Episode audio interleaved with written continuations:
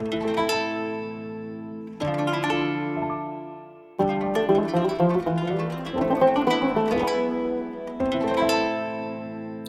ضيفنا أن العمل مع الشباب السعودي هي من أهم أسباب النجاح. هو رجل أعمال عصامي بدأ أول عمل كموظف بسيط يملأه الشغف والطموح، ليترك لاحقا العمل في القطاع الخاص لتأسيس عمله التجاري. يؤمن أن الأمانة وصلة الرحم والزكاة هي ركائز أي عمل تجاري. وسنحاول سويا أن نتعرف أكثر في بودكاست القيصرية على نقاط التحول والقرارات المصيرية وغيرها الكثير.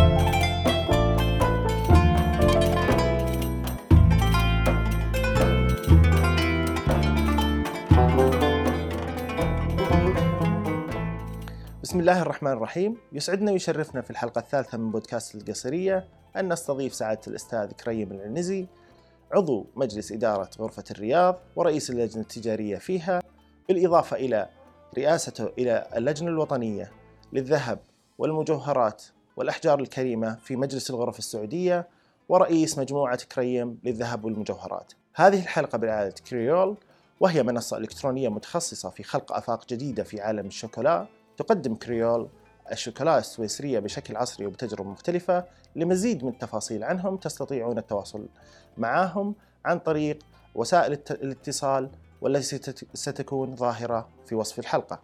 أهلا وسهلا أبو سعود شرفتنا ونورتنا ومبسوطين فيك. وإحنا بصراحة فخورين أن نجلس مع قامة كبيرة آه، لها باع طويل في تجارة التجزئة والجملة وتجارة الذهب. والعديد من الأنشطة آه، آه، منذ الصغر إلى الآن. الله يحييك ويبقيك. ألف شكر لك على الاستضافة وأسأل الله أن أكون أقدم شيء مفيد لأبناء الوطن يستفيدون من تجربتي في الحياة وأنا أكون عنصرا مفيدا في هذا المجتمع العظيم. اللهم آمين اللهم آمين. ودنا يا أبو سعود آه، نرجع للطفولة للبدايات. وين كانت الطفولة؟ وين كانت البدايات؟ طفولة وفي أحلى من الطفولة. الكل يتمنى يرجع للطفولة. كل واحد يتمنى يرجع إلى أيام الشباب. وإحنا الآن دخلنا في آه، الستينات. لا شك نتمنى نرجع للطفولة ولكن ذكريات الطفولة جميلة جدا. كانت طفولتي في المنطقة الشمالية. أنا من أهل الشمال. نعم. ثم انتقلت مبكرا إلى الرياض. ودرست شيء بسيط في الرياض. ولكن اتجهت للعمل مبكرا جدا حتى أني قبل أن أتم 18 عاما. ما شاء الله. في تلك الأيام كانت الرياض كما هي الآن لكن كانت البدايات والبدايات دائما تكون جميلة. كانت البدايات جميلة بالرياض وجود شركات كثيرة وكبيرة وكانوا يحاولون يستقطبون الشاب السعودي والشباب السعودي في ذلك الوقت كان قليل اللي يحب ير... يعمل بالشركات. كان آه، رغبة الشباب كلهم يتجهون للعمل بالقطاع الحكومي وللأسف لا زال جزء يتجه للعمل الحكومي وإن كان بنسبة أقل لأنه ظنا منهم أن الأمان الوظيفي هو في القطاع الحكومي. جميل. وهذا الكلام أنا ما اقتنعت فيه لا أولا ولا أخيرا حتى أني أحث أولادي دائما العمل بالقطاع الخاص أفضل لهم. جميل. وهم يعملون معي الحمد لله أكثر. الحمد لله. البداية الحقيقة آه، في 1975 1395 هجري كانت بداية خطة التنمية الأولى الخطة الخمسية الأولى اللي هي بدأت مع ميزانية 1 7 1395 وكان في ذلك الوقت هناك شركات أجنبية كثيرة متعددة آه، يستقطبون الشباب. وكانت لغتنا الإنجليزية لغة المدارس أنت عارف يعني ما هي ما هي بتعطينا لغة لغة بدايات يس نو حولها يعني من ولكن كان الكاريزما عندي إنه لا أنا أقدر أنا أفعل أخطيت مرة مرتين ثلاثة وتعلمت من الخطأ. أول الأخطاء أخطاء اللغة الإنجليزية. استطعنا نتعلم من اخطائنا الشيء الكثير. آه، فكانت الحقيقة هي عمل بشركات أجنبية وليس وليس سعودية ولكنها تقوم بمشاريع عملاقة وعظيمة في خدمة الوطن. مشاريع مع جهات حكومية آه، رئيسية. فعملت معهم لعدة سنوات ولم أكثر التنقل بالشركات لأنه كثرة التنقل هي أولا تعني أنه هذا الإنسان مو ثابت على على على مبدأ إلا إذا كان إنه آه، يبحث عن الأفضل الأفضل، لا شك الكل يبحث عن الأفضل، ولكن يجب إن الواحد يكتسب خبرة في كل مكان يدخله. فما تأخرت مع ذيك الشركة يمكن حوالي سنة ثم انتقلت إلى شركة أخرى. لسنه أخرى ثم اتجهت إلى العمل بشركة سعودية عندها مشاريع كبيرة وعظيمة جدا في المملكة وعملت فيها آه، تقريبا بقيه وظيفتي كلها لأنه كانت آه، الوظيفة بالنسبة لي في القطاع الخاص هي لا تتجاوز 13 سنة ابدا. جميل. ما تجاوزها. نعم. جميل. وش قصة دخولك لل يعني وش قصة دخولك للشركات الأجنبية؟ يعني أنا بقول لك إياها يعني بكل أمانة. آه، شاب في مقتبل العمر يملأه الشغف عنده طموح. ليش تبي تروح الشركات الأجنبية؟ ليش ليش ما رحت ش... ليش ما رحت؟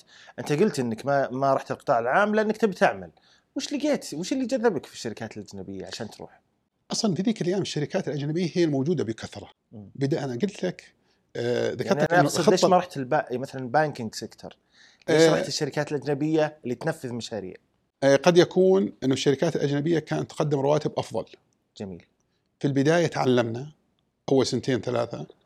بعدها خلينا نقول فهمنا لعبتهم فهمنا إيش اللي يبونه ووجدت أنهم فعلا يبحثون عن الشاب اللي اللي يؤدي عمل هم يريدون نتائج لا يريدون تنمية الشاب السعودي ولكن الشاب السعودي هو اللي يثبت نفسه.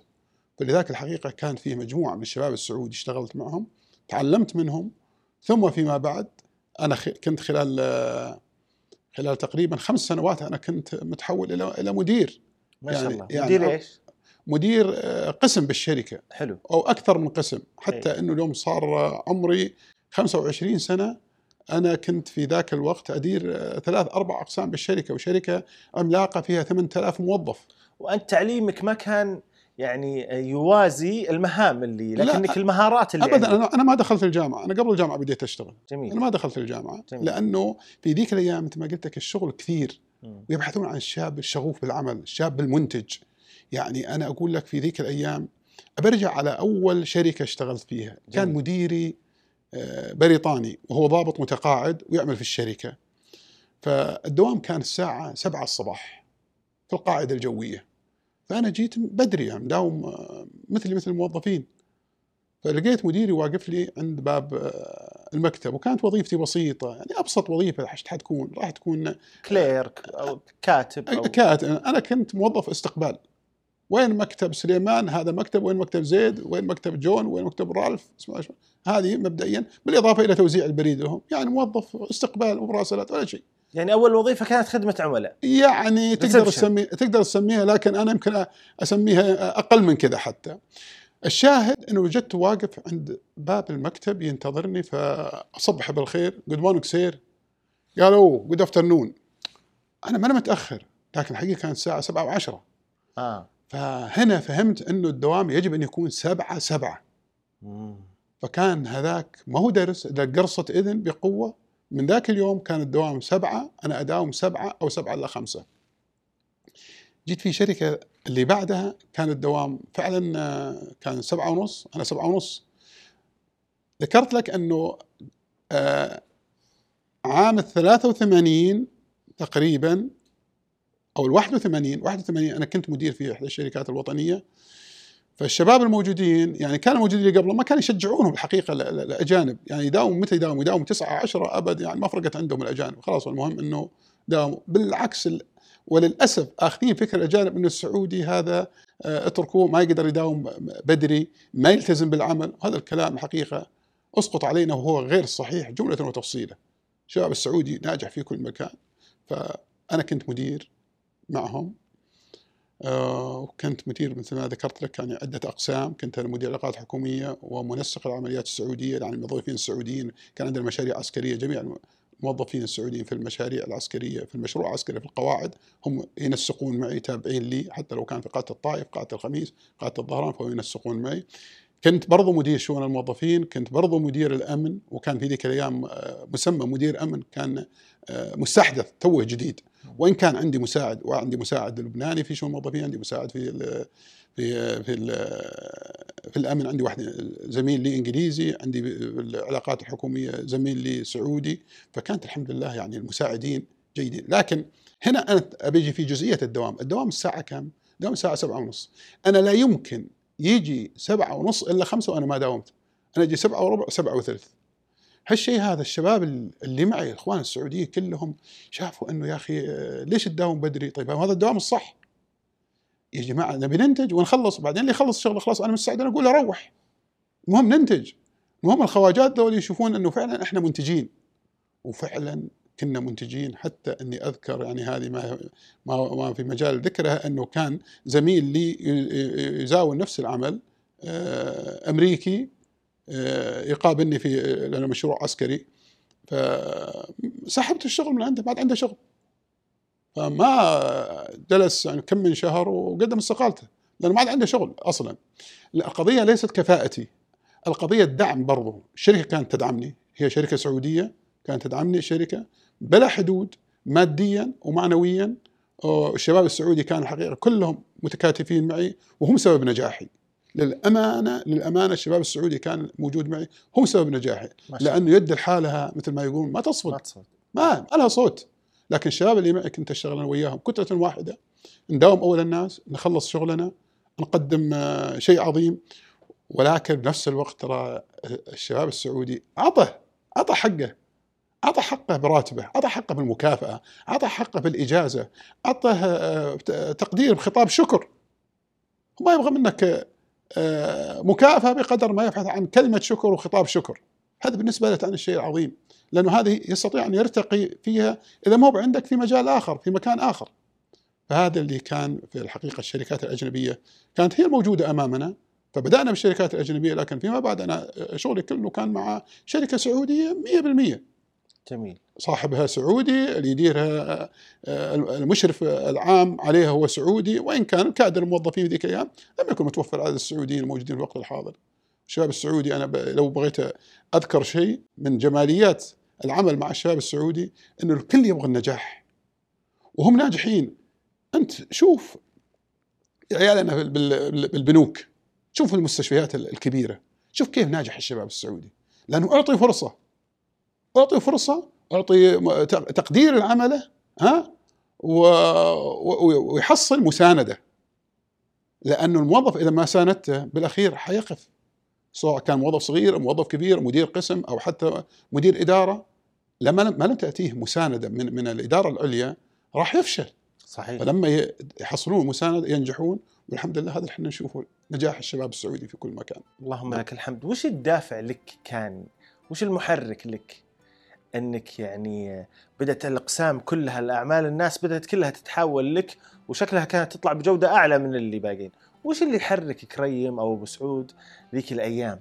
يمكن ذيك الأيام ما كان في سعودي إلى الان لا ما كان في نعم صحيح. وش اللي كان المحرك؟ قومتك الصبح هذه دوامك الطويل أكيد مهام كثيرة. دورك أنت وصفته دور محوري جوكر. في بعض الشركات كنت اللي زاولتها. وش اللي كان يدفعك لهالشيء؟ هل هو حب المال؟ هل هو أنا أتوقع أنا متأكد إنه مو بحب المال. هل وش الدافع؟ الموظف له راتب. موظف له راتب. حب المال يتحول لما يكون واحد يشتغل في تجارات متعددة. لكن النجاح يصير لما يكون في عندك عمل تحبه. عمل تحبه. معك فريق يشتغل معك صح؟ في إنتاجية. كذاك الأمر. يجي المال يجي لما يشوفونك أنت قدمت شيء عظيم فهنا تجي سبورت إنه يدعمونك الدعم المادي. يعني أنا الحقيقة ما أنكر إنه كانوا يعطوني مكافآت تقريبا شبه شهرية. جميل. ليش ليش؟ لأنه في شغل. لأنه آه. لأنه أنا أداوم من الساعة سبعة ونص الصبح إلى أحيانا إلى الساعة سبعة ثمانية المساء. في عندنا break أصلا إحنا بين الساعة واحدة والساعة أربعة. ثلاث ساعات هذه أنا ما عندي break أنا أجلس أشتغل.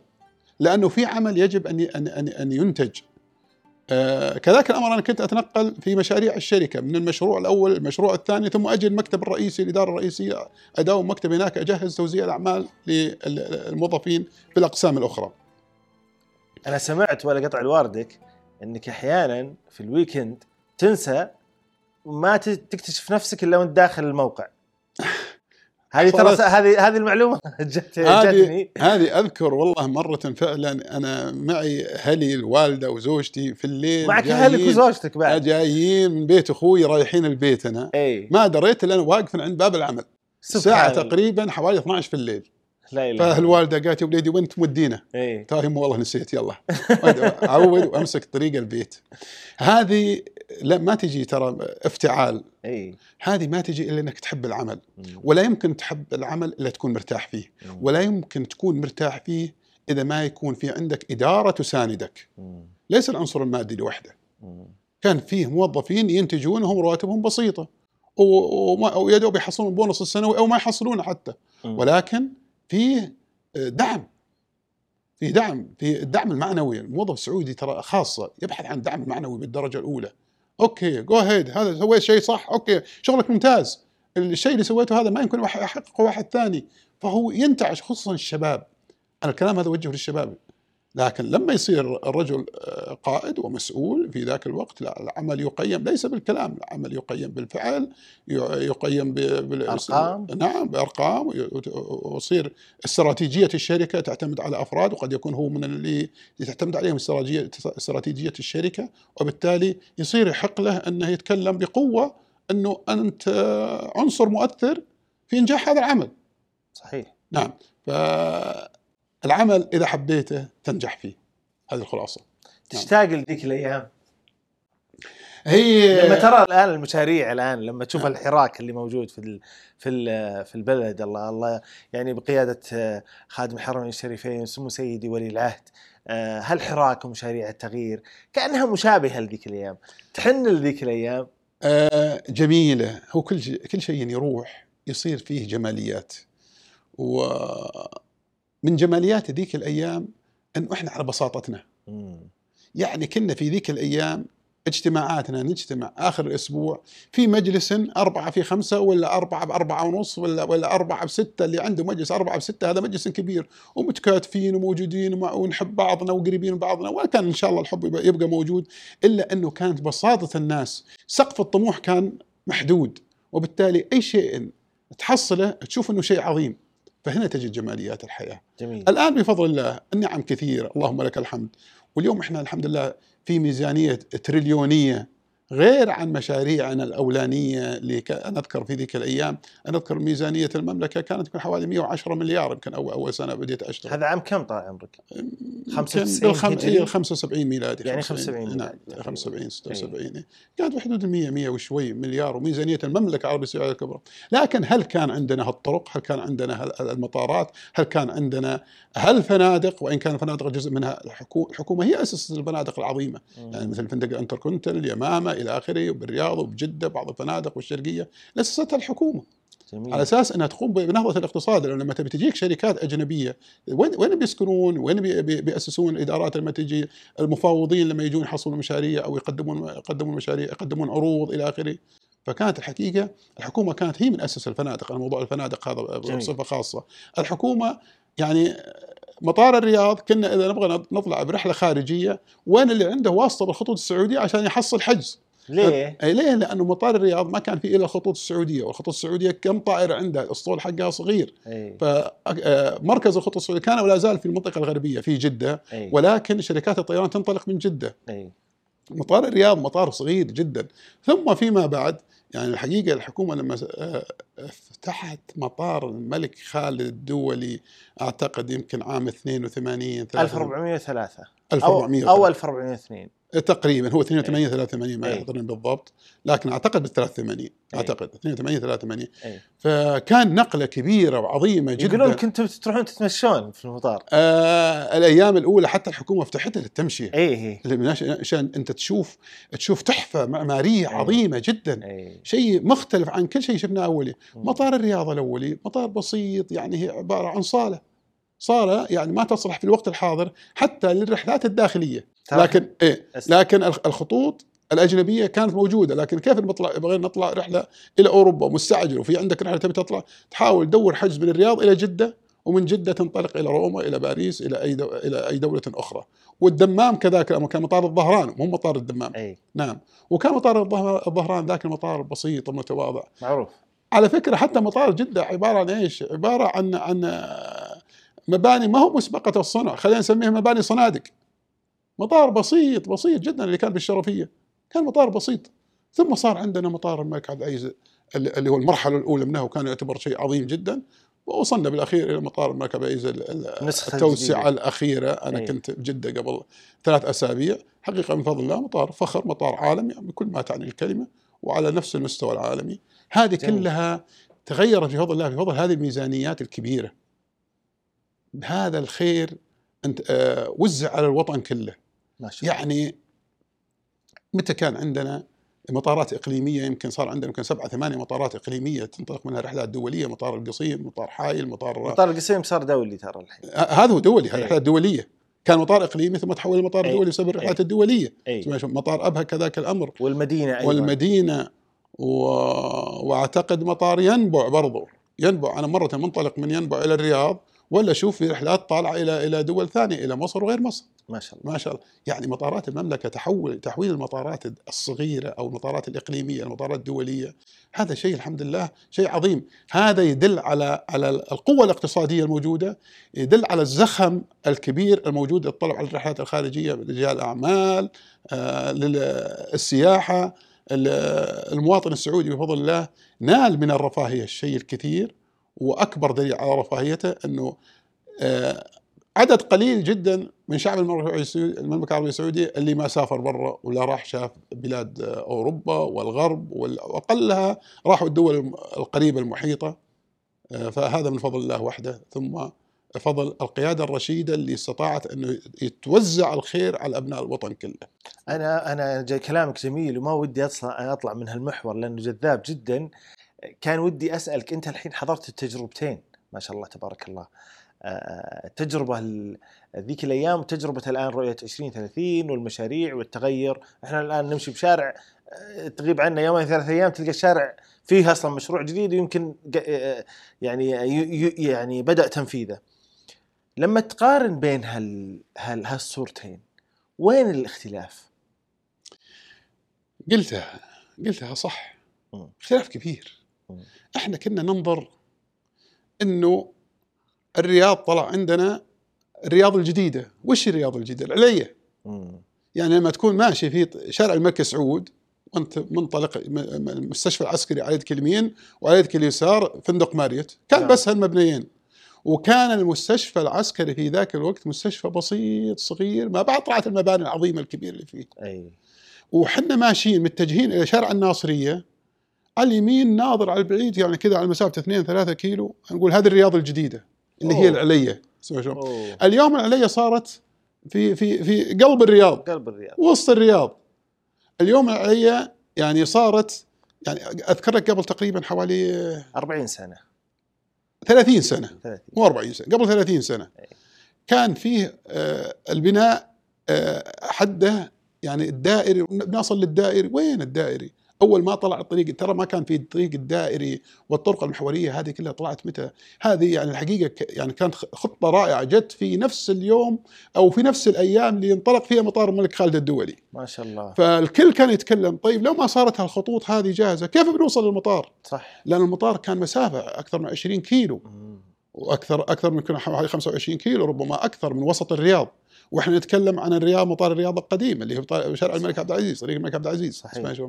فالمسافة من فكيف لو ما كانت الطرق طلعت الطرق العظيمة الطرق ال highway فأوصلتنا هناك إلى مطار الملك خالد الدولي. إذا إذا تتفق معي إنه ذيك الأيام والآن دائما مشاريعنا آه، مشاريع التغيير في المملكة العربية السعودية ولله الحمد هي مشاريع تكاملية.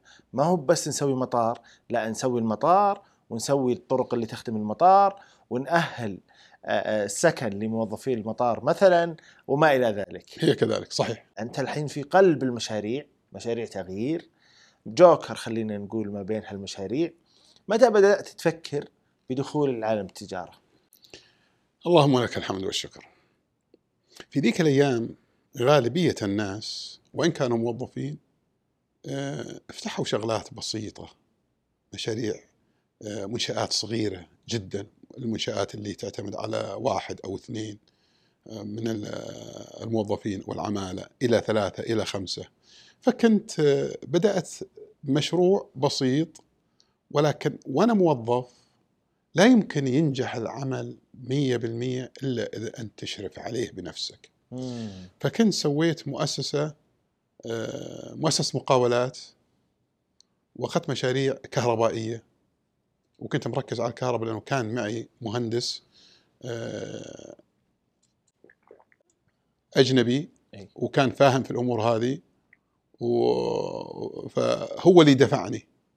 إنه اشتغل فيها سوي كذا جبنا العمالة اللي ما جبنا ما استخدمت عمالة يمكن كم واحد ونقلت عمالة من هنا وصرت أشرف عليهم إشراف جزئي وخليت أخوي معهم لكن أخوي صغير سن آه، ما كان آه، الحقيقة ولا أنا أوكلت الحقيقة العمل اللي, للأسف كان تقصير مني أنا ما هو منه. لكن أنا أقول أي عمل ما لم تشرف عليه أنت بنفسك يضيع. عمل تسلمه للأجانب وتجي تبي تديرهم كل آه، آخر اليوم تجيهم نص ساعة ساعة تجيهم آخر الأسبوع ساعتين ثلاث هذا لا يمكن ينجح. فللأسف إني خلال فترة هذا ما أثناء. الوظيفة نعم. أسست هالشيء. إي لكن للأسف إني آه، انضريت جدا بهذا ال- بهذا السبب. كان العماله الحقيقة ليسوا كما يجب فخسرت. حلو. ولكني انسحبت لأنه شغلة ما أفهم فيها. جميل. سحبت ماني حاولت إني أجازف وإني أعيد التجربة في نفس الجزئية هذه وأنا ما أفهم فيها. كنت أبحث عن فرصة ثانية. جميل. وفعلا فتحت آه، فرص أخ- تجارية أخرى ولكن كانت تجارة وليست مقاولات. مقاولات خلاص أخذت نصيبي فيها تعلمت أنها شغلة ما هي بشغلتي اللي ما يتفرغ لها أنا من مهندس وأنا من متفرغ فلا يمكن أنجح فيها. لذلك أنا ابتعدت عنها. جميل. العمل الثاني أثناء الوظيفة أيضا؟ آه، بدأت. أي. بدأت أثناء الوظيفة ولكن قبل لا أترك الوظيفة بسنتين. جميل. أنا تركت الوظيفة في 89 في بداية 89 آخر 1409 جميل. آه تركت ال- الوظيفة وكانت وظيفتي ممتازة وراتب ممتاز جدا. استقلت. استقلت حتى أنه زملائي اللي معي كانوا يقولون مو ما أنت بصاحي اللي تترك راتبي يمكن كان على مستوى الموظف الحكومي ما كان ياخذ وكيل وزارة. ما شاء كيف الله. تترك الوظيفة؟ ولكن الحقيقة أنا بديت قبلها بسنتين ولكن بدأت أموري تمشي بالاتجاه الصحيح. آه، صار في تحسن بالإيراد وصرت مركز أكثر. فقلت لا يمكن ينجح العمل إلا أكون أنا على رأس العمل. وفعلا استقلت. ومن فضل الله ومن بدينا نشتغل. قرار صعب سرع المقاطعة بس قرار صعب. جدا جدا. حتى أقول لك زملائي اللي معي السعوديين والأجانب يعني ما كان أحدهم يصدق كيف تترك العمل؟ وظيفتي ممتازة وراتبي ممتاز جدا جدا. فكيف أترك الوظيفة؟ يعني غيري يتمنى يحصل يعني يعني ثلث الراتب اللي أنا أحصل. مو نص الراتب ثلث الراتب.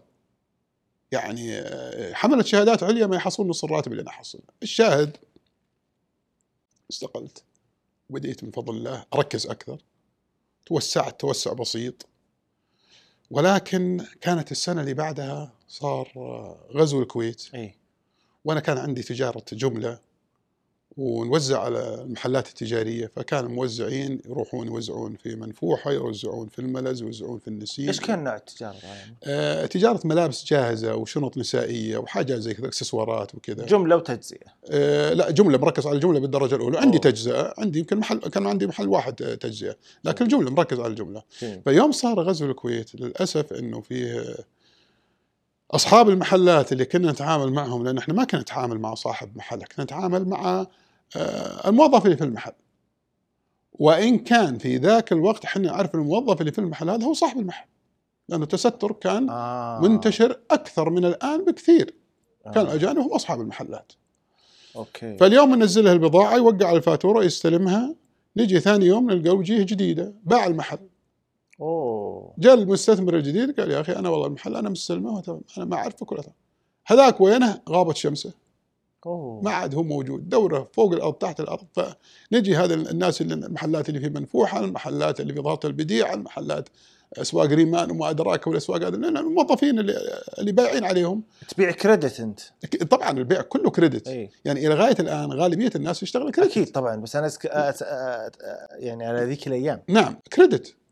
ف... توك بادي شلون تبيع credit؟ يعني تبي تنتشر. يعني شلون بدأت ال business؟ هل من وين جبت رأس المال؟ آه. رأس المال اليوم أنت بالأساس لما تكون موظف يعني إذا كان اللي, اللي, اللي واحد يشتغل ويصير راتبه يا دوب يغطيه أكل وشرب هذا أنا أقول صار مثل الجرادة يأكل منه ويرد يطلع منه. هذا مو بصحيح هذا. أنا كنت أعتمد الحقيقة هذا سؤال ما ما جاء على بالي لكن أقول لك أنا كنت أعتمد بسياستي من أول وظيفة لي كان راتبي استلمه خارج عن التأمينات الاجتماعية 779 ريال. كنت حاط كنت تستلم 797 ريال. 79 ريال. كان راتبي 820 ريال يروح منها 41 ريال تأمينات اجتماعية. اللي استلمه صافي هذا عام هذا عام كم؟ هذا في ال 96 بداية ال 96 هجري. إي. بداية ال 96 في هجري. ال 76 ميلادي. أنا لأنه أنا 76 ميلادي تقريباً. 76 ميلادي. كانت تعيش ذيك الأيام لا مو ما كانت تعيش. كانت كنت أوفر منها. بعد. لا لا ما وش كانت تعيش؟ ها. يعني أنا كنت آه، حاط مصروف مبلغ بسيط جدا آه. ولازم أوفر شهريا. رواتب موظفين الدولة. كم ذيك الأيام؟ موظفين كم؟ الدولة كانت رواتبهم 450 500 ريال. آه فأنت مرتاح. أي أنا أنا أكثر منهم راتب. أي. وبعدين الحياة كلها بسيطة. مم. يعني أنا أقول لك يعني الواحد اللي يروح يفصل له ثوب الثوب 60 ريال. هي. الحين الحين الثوب 700 800 ريال. يفصله ويجيك للبيت بعد. آه، يعني المبلغ ما هو بسهل. صحيح. سمعت كيف؟ فالأمور كانت كلها سهلة. كيس الرز كم هوبه اي ها؟ آه إلى آخره. الدنيا سمحة. سامحه بالحيل. اي سمحه بالحيل والدنيا بخير. وكانت ولا زالت الحمد لله الدنيا بخير. الله. صار في تضخم لكن برضه تضخمت الرواتب. اللي اللي كان يوم أقول لك كان راتبي أقل من 800 ريال وأنا أعتبر راتبي مرتفع اليوم اللي راتبه 8000 ريال راتبه متوسط. يعني ضرب عشرة لكن صفى راتبه يعني من الرواتب البسيطة. 8000 ريال ما, ما تقوم البيت اللي بيعيش برفاهية. البيت اللي بي- بيعيش مستور وليس برفاهية يبغى له من 10 15000 ريال. جميل. هذا يعيش مستور. اللي بيعيش عيشة رفاهية ولا نصرف عشرات الآلاف. صحيح. فكنت تقتطع من أنا كنت واضع ميزانية وهذه هذه ناحية مهمة الناس تجيب انتباه. لها. يجب إنك تضع ميزانية راتبك راتبك كم؟ لازم توفر جزء منه ها؟ وجزء تستثمر تستثمر تستثمر. آه، أنا كنت أستثمر جزء أوفره بدأت بذيك الأيام الشركات المساهمة. آه. لكن ما تمر شركة مساهمة إلا ندخل فيها. إي. وبعد آه، اسمي أنا ما عندي اسمين ثلاثة بذيك الأيام. آخذ اسم صديقي ذا وقريبي ذا اسمائهم وأسماء عائلتهم ادخل فيها في الأسهم. دخلنا في الأسهم حصلنا مساهمات بذيك الأيام. لا يمكن تطلع المساهمة إلا أنت محصل فيها مكسب 200 300% ما شاء الله. نعم. وكنت تدخرها؟ هذا كله ادخار. جميل. الأسهم ادخار. جميل. فلما جينا بعد كم سنة وصار الحمد لله يعني آه، تفرغت للعمل في عندي رأس مال. صحيح.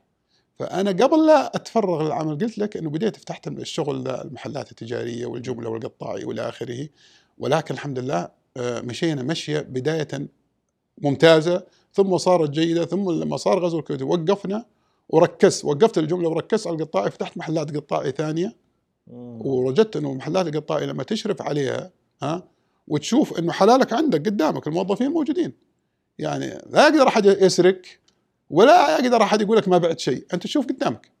لكن ال- ال- الجملة اللي كنا نوزعهم غالبية ال- الناس في ذيك الأيام في الجملة تعثروا بسبب إنه هروب أصحاب يعني جنسية معينة آه، مشوا تركونا فجأة. فهمت عليك. واضح. تركونا فجأة. ما تركونا ل- سرقونا وهربوا. واضح. واضح. فهذه هذه تخلينا نقول التوطين ثم التوطين والسعودة هذه أنا من الناس اللي آه، دائما أقول خيار استراتيجي لا مفر منه لأنه هو الأمان للوطن والمواطن. ما شاء الله. التوطين. وهذه ضربة غزو الكويت سنة التسعين إحنا إحنا نذكرها كويس. اللي الناس ما يذكرون إحنا نذكرها وش تعثرنا وش وين راحت رساميل الناس.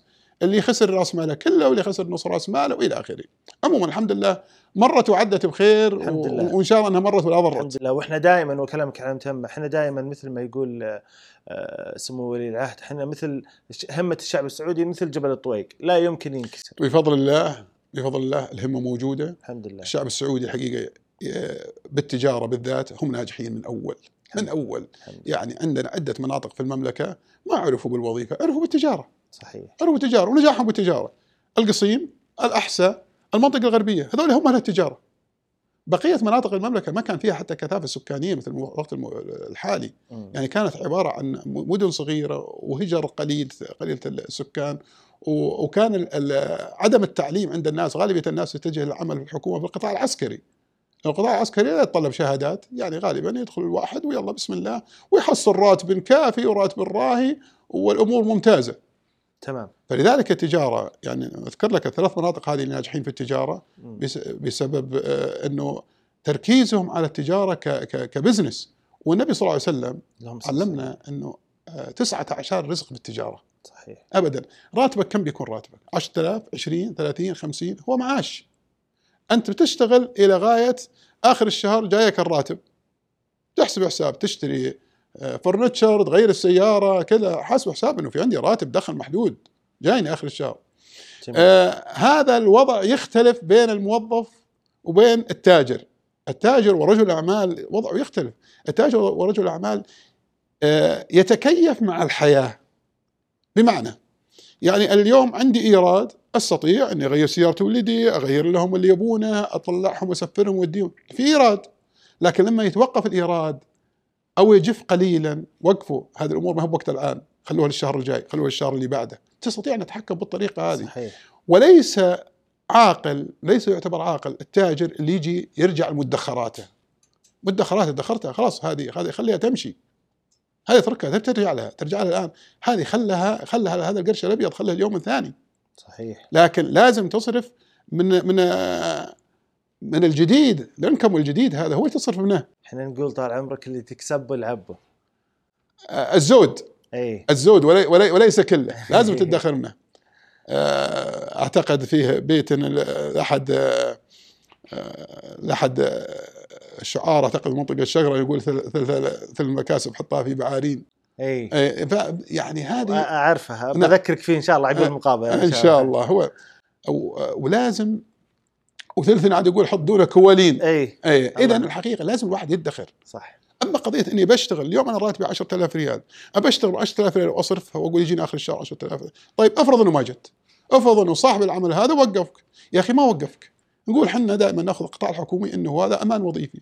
يا أخي أفرض صحتك تعطلت حتى لو كنت موظف حكومي صحتك تعطلت. وش يعطونك؟ يعطونك إجازة شهر شهرين ثلاثة ست وبعدين يحلون على التقاعد، التقاعد الصحي، كم بيأخذ التقاعد الصحي؟ ولا 20% 30% 50% راتب الإنسان لو كان مهما كان مجرد ينزل شوي انكسرت طريقة حياته. مم. لذلك يجب أنك تحسب حساب إنه اتجاه إلى التجارة. وأنا كنت الحقيقة هذه نقطة مهمة جدا. أنا أوجه ال- عيالنا إنه أعملوا بالتجارة. ما هو أولادي وبس أنا في شباب قابلتهم بالجامعات خارج المملكة شباب السعوديين اللي زرتهم لما كنت أزور أولادي في أمريكا وكندا وكنت أوجههم بالطريقة هذه. فكروا اتجاه التجارة لأنه حديث الرسول صلى الله عليه وسلم 19 19 رزق بالتجارة. اذا بالحالة هذه طيب آه، أذكر مرة سألني مجموعة من الشباب السعوديين موجودين في احدى الجامعات آه، قلت لولدي ادع لي أخوياك خليني أتعرف عليهم. إي. فجابهم هذا أي عيالك طال عمرك هذا ولدي المهندس أحمد. ما شاء الله. شغال معك هو؟ والله لا والله هو شغال برا ولا يبون يشتغلون عندنا. ليه؟ لأنه دائما يعني يرون سلطة الوالد موجودة برغم ان أنا لا أدير العمل يعني اخوانه هم استلموا الشغل أنا. هذا اللي أعرفه إنك أنت ما تدير العمل أنت بس مشرف الآن أنا. ولا ولا اجيه بق- وبقيه سوري على المقاطعة بقية أعمالك تطوعية في المجلس الغرف وفي ال- الغرفة التجارية كلها تطوع إلا. متفرغ إلا أنا متفرغ العمل متفرغ بس إن قصدي بالتطوع طال عمرك إنك ما تأخذ عليها أصلا راتب متفرغ للعمل التطوعي والعمل التطوعي دائما هذا بدون راتب يعني إحنا في الغرفة التجارية وفي مجلس الغرفة السعودية أنا في غرفه الرياض أو مجلس إدارة ورئيس اللجنه التجاريه نشتغل ونروح وين رحت وين جيت واجتماعات ولقاءات وتحليل وإلى آخره. إحنا ما نأخذ ولا ريال.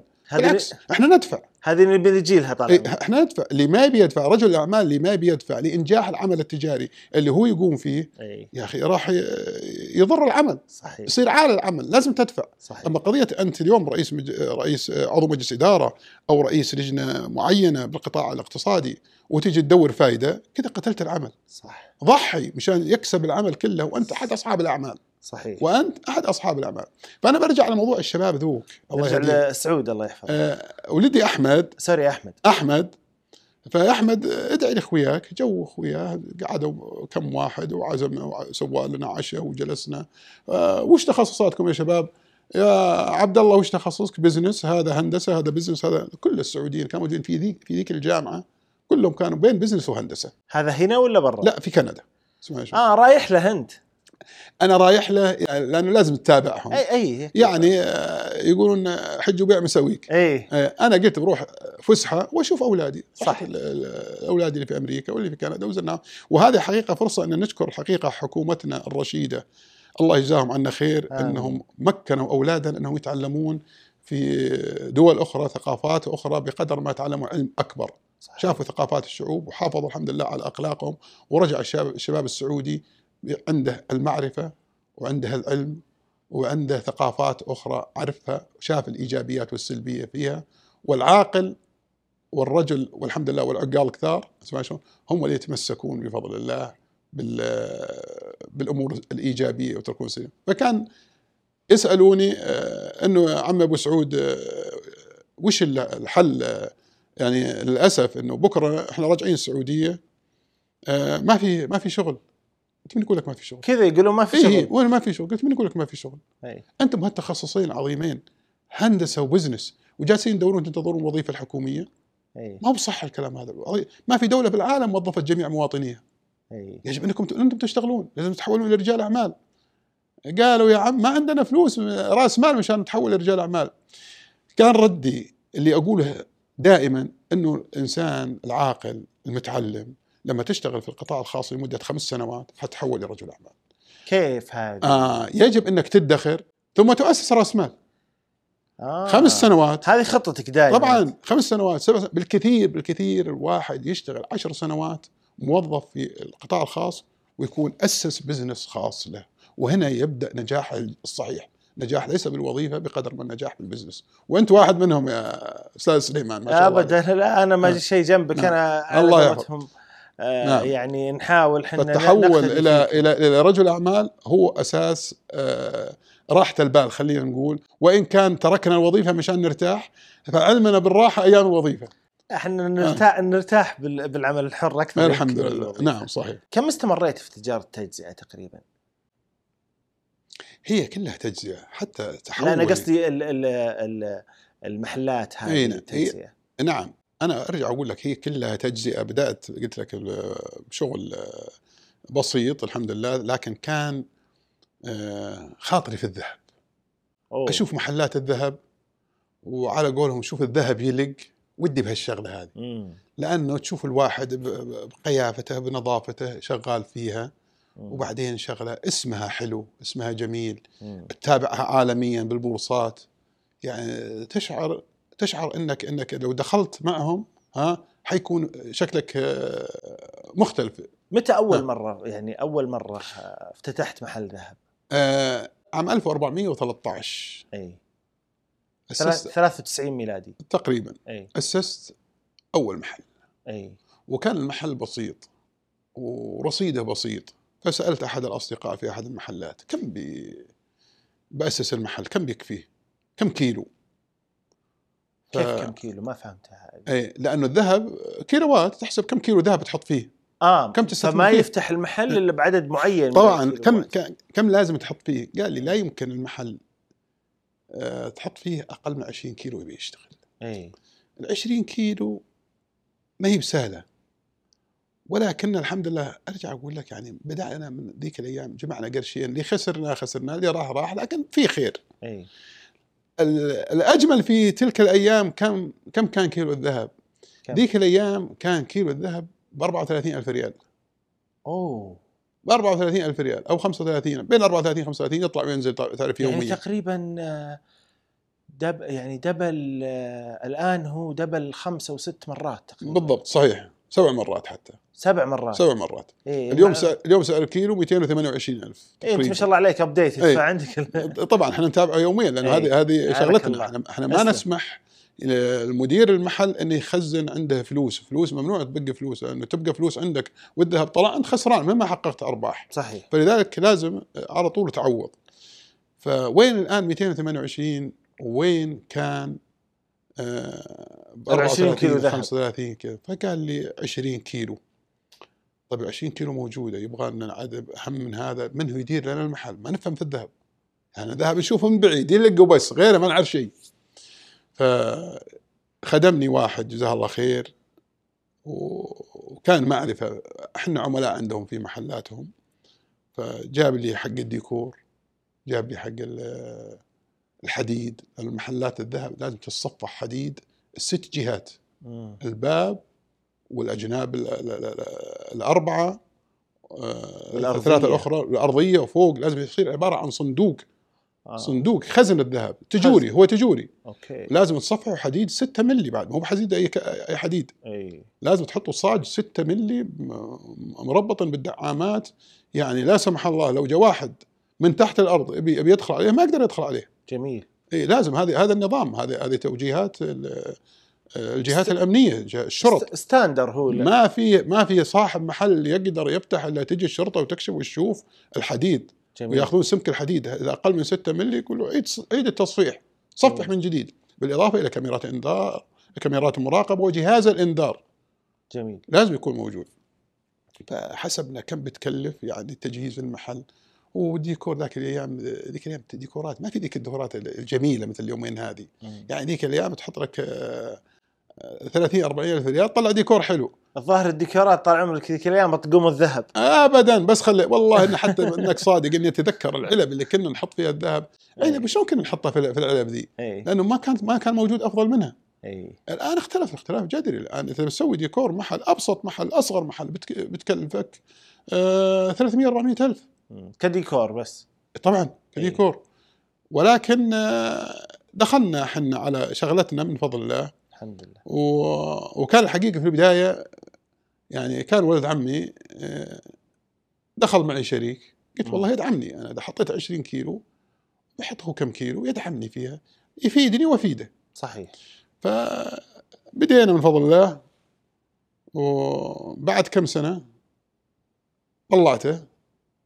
سويت له محل قلت له هذا المحل رصيدكم حلو هذا المحل رصيدكم هذا جميل محل كامل ما شاء الله جميل ولكن أنا أبغى استقل في محل وأنتم في محل وش رايكم بدايه وافقوا ثم من بعدها قالوا فضلوا انهم يبيعوا المحل لأنه كانوا هم آه، غير متفرقين. كانوا هم اربعه أو خمسه في محل واحد آه أوكي. اي يعني أربع اشخاص في محل واحد شافوها انه قالوا طالما انه جت انه انه ودك ان ننفصل فاحنا كذلك أمر بيننا نبغى فباعوا محلهم الله يحفظهم ويستر عليهم. آمين. أنا ركزت.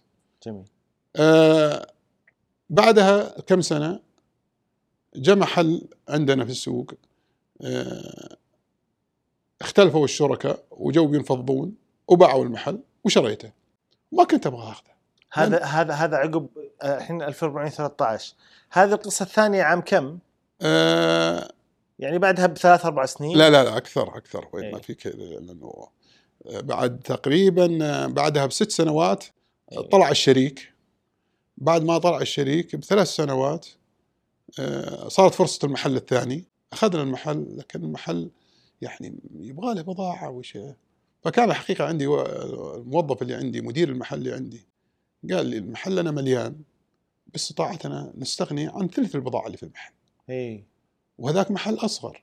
ثلث البضاعة اللي عندنا تعبي المحل وخصوصا إذا أردنا أن نكمل من عند الموزعين. هذه بعدين إحنا صرنا موزع صرنا جملة وصرنا نمول المحلات من فضل الله. هذا الآن الحمد لله. إيه. فالمهم إنه أقنعني أوكي أخذنا المحل اشتغل الحمد لله. بعدها كم سنة أخذنا الآخر. توسعنا بعدها الحمد لله بركات الله جل وعلا. إلى إنه آه، بفضل الله استطعنا أن نتوسع بأكثر من محل صار عندنا محلات أخرى في المولات الأخرى. آه، ثم بالأخير يعني قبل ثلاث سنوات استطعنا الحمد لله أن نفتح مكتب لتجارة الجملة. فتجارة الجملة آه، في الذهب فيها إيجابيات كبيرة وفيها سلبيات. إنك برضو ترجع على الموضوع الأولاني إنك تبيع بالآجل إيه. كريدت. اي بدال ما كنت أنت آه تاخذ منهم صرت انت مورد الحمد لله صرنا نمولهم. صرنا نمول المحلات. ولكن برضو فيها سلبيات. السلبيات اللي فيها إنه للأسف إنه بعض أصحاب المحلات لا يلتزم بالسداد ولا لو الإنسان التزم بالسداد يعني أنا دائما أقول الدين سمه مثل صيام رمضان. إذا قلت والله أنا بصوم لكن والله لو أموت ما أنا مفطر والله نيجي المغرب وأنت ما فيك لا جوع ولا عطش. بإذن الله لأنك أنت صادق أنك تبي تصوم ما عندك مجال إنك تفطر. لكن لو قلت أنا والله بصوم وحسيت حالي جيعانه وعطشان والله بفطر؟ والله ما تجي الساعة 10 الصبح إلا أنت مفطر. لأن النية ردية صارت.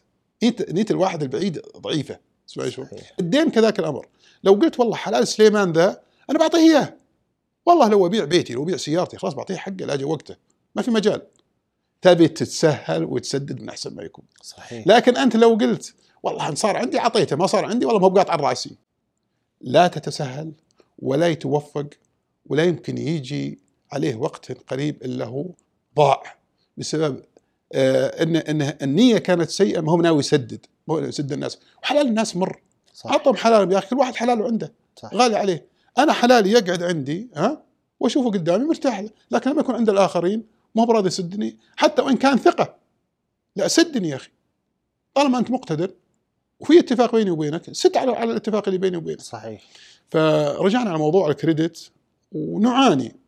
وإحنا مس- مستمرين بتجارة الجملة ولكن نعاني واستطعنا الحمد لله بعدها صار معنا إمكانية ناسس بما يسمى مصنع هو ليس مصنع مصنع صغير جدا. ترى كنت تحب دائما تتواضع أبو سعود. لا والله هي الحقيقة. ال- إحنا في في الذهب المصانع الصغيرة نسميها ورشة. اي هي ورشة. هو يفترض الورشة للتلحيم والإصلاح والى اخره لا إحنا آه، إنتاج في إنتاج عندنا غوايش في انتاج إنتاج اساور إنتاج آه، نواعم الذهب والحمد لله. وفي توسع. ولكن هذا العمل كله ما هو بجايين وليد اللحظة. مم. هذا يجب أن تكون مخطط يجب أن تكون جاهز له يجب أن تكون إنك آه، مجهز النية خلينا نقول قبل بركات الله ما يمكن تجيك. وأنت ما عندك استعداد إنك إنك تؤدي حق الله جل وعلا. سبحانه يعني هذه ناحية مهمة جدا جدا جدا إنك تؤدي حق الله سبحانه وتعالى وهو أساسا اللي هو زكاة المال. هذه بعض الناس للأسف ما ينتبهوا له ولكن الحمد لله إحنا عندنا لك حادثة أنت طال عمرك ولا قاطع والدك آه، سمعتها من أحد أبنائك عن موضوع التأمين والزكاة. الآن تذكرتها إيه التأمين أنا كنت أسوي تأمين على محلاتي. المحل الأول سوينا تأمين عليه عند الشركات التأمين التعاونية والعربية و... ثم العربية وبعدها وجدنا إنه طيب إحنا نسوي تأمين ليه؟ طيب إحنا ما لنا مزكى حصنه بالزكاه. تحصين المال بالزكاة أفضل شيء. هذه تجربة. ثم في تجارب ناس آخرين. وجدنا إنه انسرقنا مرة. واثنين وثلاثة ثم يجيك اللي يسرق يقول لك يا أخي أنا ترى والله دخل علي من حلالك كذا قبل سبحان الله. تاخذه وسامحني. يعني من فضل الله اليوم أنا لي في التجارة تقريبا أكثر من 35 سنة أنا ما عندي ولا قضية لا عند الشرطة ولا عند المحاكم ولا شيء نهائيا اللهم الحمد لله. لا مدعي ولا مدعي الحمد لله الحمد لله الحمد. كان عندنا كم مرة ادعينا على الناس وبعدين تركناهم لله. لأنه لم يعدوا مقتدرين. الله يبيض وجهك. وتركتهم لله وحده. سامحتهم لله وحده. وما عندي من فضل الله أي قضية أنا مدعي على أحد. والحمد لله. ولا أحد اللي عندي غير الله جل وعلا. الحمد لله. فهنا حصل المال بالزكاة. على فكرة أنت ذكرت النقطة هذه. ذكرت أنه قبل يومين ترى جاني أنا آخذ العلوم إيه. من العيال. الله يجزاك الخير. قبل يومين جاني مقطع أو أو رسالة إيه. آه، بالواتساب. ومتداول أعتقد اليومين هذا بالواتساب ويمكن مرت على كثير من الإخوان المشاهدين يتكلم إنه في بداية القرن الماضي كان في إحدى آه، قرى دمشق فيه آه، مزرعة جا الجراد هجم عليهم وكان يجي المزارع اللي جنبها والمزرعة ذي ما يجيها الجراد. سبحان الله. فكان الجراد ما يجيها. فراحوا للوالي العثماني قالوا له إنه هذا صاحب المزرعة عنده مبيدات يستخدمها وحنا ما أعطانا منها ولا علمنا منين جابها. قال هاتوه. يوم جابها الوالي العثماني قالوا كيف تجيب مبيدات حشرية ولا تعلم جيرانك ولا تعلمنا منين جبتها؟ قال أنا ما جبت مبيدات. إلا كيف؟ شو الجراد ما ما أكل من مزرعتك شيء قال ابدا. أنا سويت شيء هم ما سووه. قال وش سويت؟ قال أنا زكيته. هذول ما يزكون. كيف ما قال قاموا جابوا كميات من الجراد ويرمونها على مزرعته يهج من المزرعة. سبحان الله. يهج من المزرعه لأنه هذا يعني الله سبحانه وتعالى والذين في أموالهم حق معلوم للسائل والمحروم فالجراد تجنبه ها؟ والجراده لا دخلت في مكان ارتعت فيه. صح. لأنه سبحان الله هالمخلوق البسيط الجراده اللي ما تطلع بطول الأصبع ها؟ هذه تاكل في اليوم آه، بثقل وزنها مرتين ونص. اوه يعني تاكل منه ويطلع منه. أبد على طول مرتين ونص ضعف وزنها مرتين ونص تاكل الجرادة. فإذا دخلت في مكان اعتته. دمرته. فهذه من القصص متداولة واللي كانت واللي مأثورة من أول. وعموما يعني في المملكة عندنا أسر كثيرة كبيرة من أول أسر تجارية. بارك لهم الله في الزكاة. سبحان الله. فإذا كان التاجر ركز في الزكاة والصدقة هذه أعتقد أنها تحمي ماله.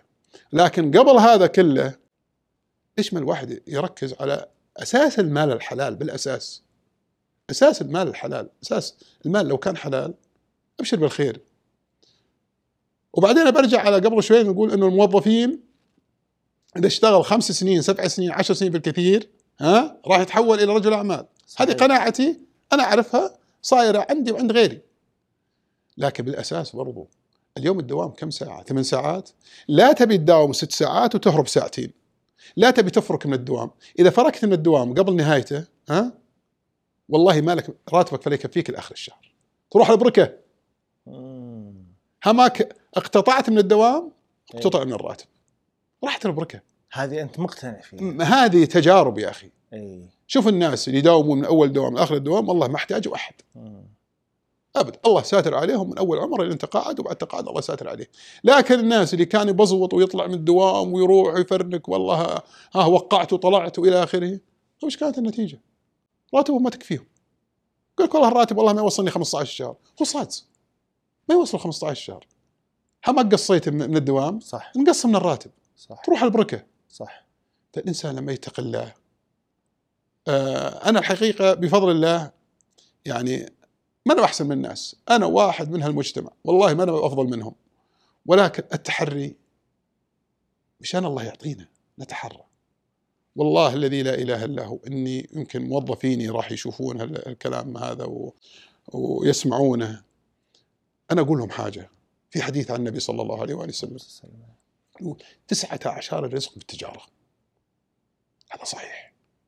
ولكن بنفس الوقت أسوأ الناس منزلة يوم القيامة. هذا حديث مستقل. أسوأ الناس منزلة يوم القيامة. من يظلم الناس للناس؟ من يظلم الناس للناس؟ أنت اليوم اليوم تظلم هالزبون وتدخل علي مشان تدخل علي 100 ريال ولا 1000 ريال أو أكثر أو أقل زيادة وأنت ظالمة؟ أنت ظلمته وظلمتني.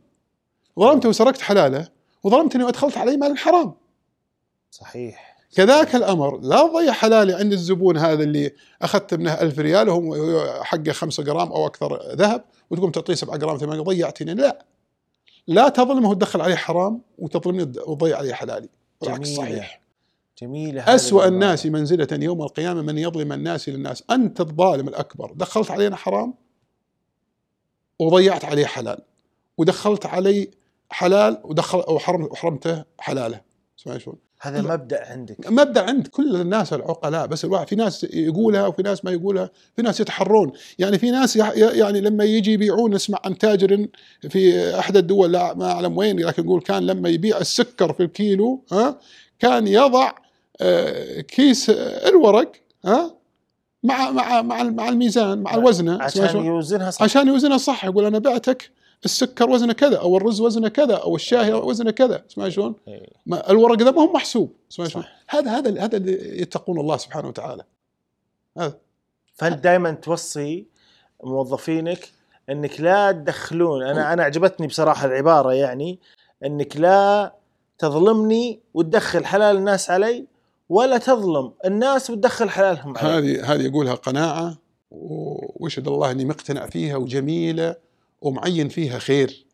معين فيها خير لأنه فعلا أنت يوم تأخذ حلال الناس يعني أنت فكر. لو واحد دخل حلالك أنت مبسوط؟ ما أنت مبسوط. راح حلالك عند فلان عند فلان عند فلان. طيب ليه؟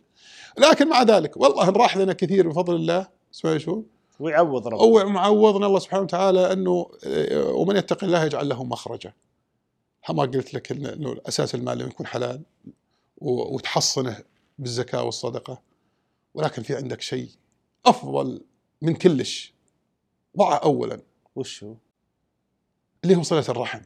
أوكي. صلة الرحم هذه كثير ناس ما ينتبهون لها. مم. لما يكون عندك الله معطيك يا أخي صلة الرحم. صلة الرحم بالسلام صلة الرحم بالمساندة بالمساعدة بالكلمة الحلوة بمشاركتهم أفراحهم وأتراحهم. صلة الرحم ليس بالضروري يكون أخوك ولد عمك. هذا أخوك ولد عمك هذا منك هذا جزء منك هذا هذا الابتعاد عنه والتوقف عن عن مساندته هذا رده. مجتمعنا مجتمع متكامل. صح إحنا المجتمع السعودي كله حاضرة وبادية كله متكامل مع بعضه متكاتف. فأنت لما لما تقف إلى جانب أخوك ولا ابن عمك أنت ما سويت شيء أوفر صح. أنت مثلك مثل الناس. لكن لا ابحث عن آه، صلة الرحم المرتبة الثالثة والرابعة والخامسة وكل ما صار أقرب لك هو محتاج من ناحية المساعدة مساعدة مادية أو معنوية. قد يكون واحد عنده مشكلة تجي تسانده تعال أنا معك يا ابن العم وش اللي تبي؟ أنا معك يا خال يا خالة وش اللي صاير معك؟ اسمع يس يجد سعادة عظيمة أنه والله جايني فلان والله يساندني يعني يقوم يدعي لك. ينبسط شوف تهلل وجهه كيف. فصلة الرحم ما هي بحاجة سهلة. جميل. وأركز إذا كانت مساعدة مادية دور بين الأقرباء ال- ال- ال- ال- البعيدين أما القريبين ما لك فضل عليهم. القريبين هذول هذا واجب. واجب عليك. هذا واجب عليه إيه. لكن البعيدين شوي لما تساند حرمة بالذات. الحريمة ضعوف. حريمة ضعوف وين ما تكون. يعني كم حرمة نسمع مظلومة عن رجلها ويجي عند يعني أحد المشايخ جزاه الله خير أشوف له مقطع يقول لا تزوج بنتك من بخيل. يا أخي الرجل غني أنا زوجت لي واحد غني واحد بخير ولكن عيش البنت عيشها في حالة آه، فقيرة. قتر عليها. قتر عليها. لذلك ساندها. ولا تساندها بذلة. ساندها بطريقة قد يكون غير مباشرة. يعني عن طريق ما هو عن طريقك أنت تجي تروح لها فلانة بعطيك ولا ولا يعني في في طرق أساليب إنك محترمة. توصل توصل صدقتك ها وتصل الرحم بدون شو. صح. المشكلة الشو اللي يحصل عند كثير من الناس هذا هذا هو المشكلة. نعم. فلذلك آه، الله سبحانه وتعالى يكرمنا بالحلال واتق الله بالحلال. موضوع الزكاة ما فيه ما فيه كرم ولا فيه ولا فيه فضل بالعكس كثر خير اللي ياخذ زكاتك. شلون هذه؟ لا كثر خيره إنه يقول لك أنا مستحق من الزكاة وتمد وتعطيه لأنك أخذت الأجر. صح. وراح في مكان صح لكن آه، قضية إني إني بمسك حلالي وحلالي غالي عندي والله أنا لو تقول لي آه، فيه رزقة في أي مكان أروح أركض لها واجيبها اسمع شلون. لكن هذه هذه ما فيها كرم. زكاة والصدقة وصلة الرحم هذه هذه أساسيات بالحياة. وهذه موجودة في مجتمعنا العربي كثير لكن المجتمع السعودي خاصة ثم خاصة ثم خاصة موجودة أكثر من أي مجتمع آخر. مجتمع مترابط متماسك آه، الناس تعرف حوائج بعضها. كان أولي الناس تقوم بعضها قومة كاملة. لكن لا زال لغاية الحمد لله أبشرك الدنيا بخير. الله. اللهم لك الحمد. بصراحة أنا مستمتع بالحديث معك يا أبو سعود. آه ومسيرة في الذهب. آه يعني آه تقارب ال 28 27 سنة. آه اللي كان ودي يعني أعرف عملكم. آه إيش يتطلب عملكم؟ وش الشيء اللي دائما عملكم يرتكز عليه؟ إحنا أول شيء وأهم شيء عندنا الأمانة. أول شيء وآخر شيء. أهم شيء هو الأمانة. الأمانة. الأمانة إحنا نصنفها عدة أصناف. الأمانة العينية على البضاعة هذه نخليها آخر شيء. هذه تجي. أوكي. لكن أول شيء يقول أمانة الحضور والانصراف. إحنا محلاتنا ما نقدر إنه والله الدوام الساعة 9 تفتح المحلات تجيني الساعة 10 لا ما ينفع. المحل لازم أول ما يفتح يكون في موظفين اثنين ثلاثة.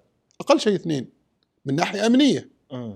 إحنا نقول اللي معه المفاتيح ما تفتح المحل إلا جوك المساندين اللي عندك. غالبا عنده اثنين أو ثلاثة مساندين أو مساعدين له.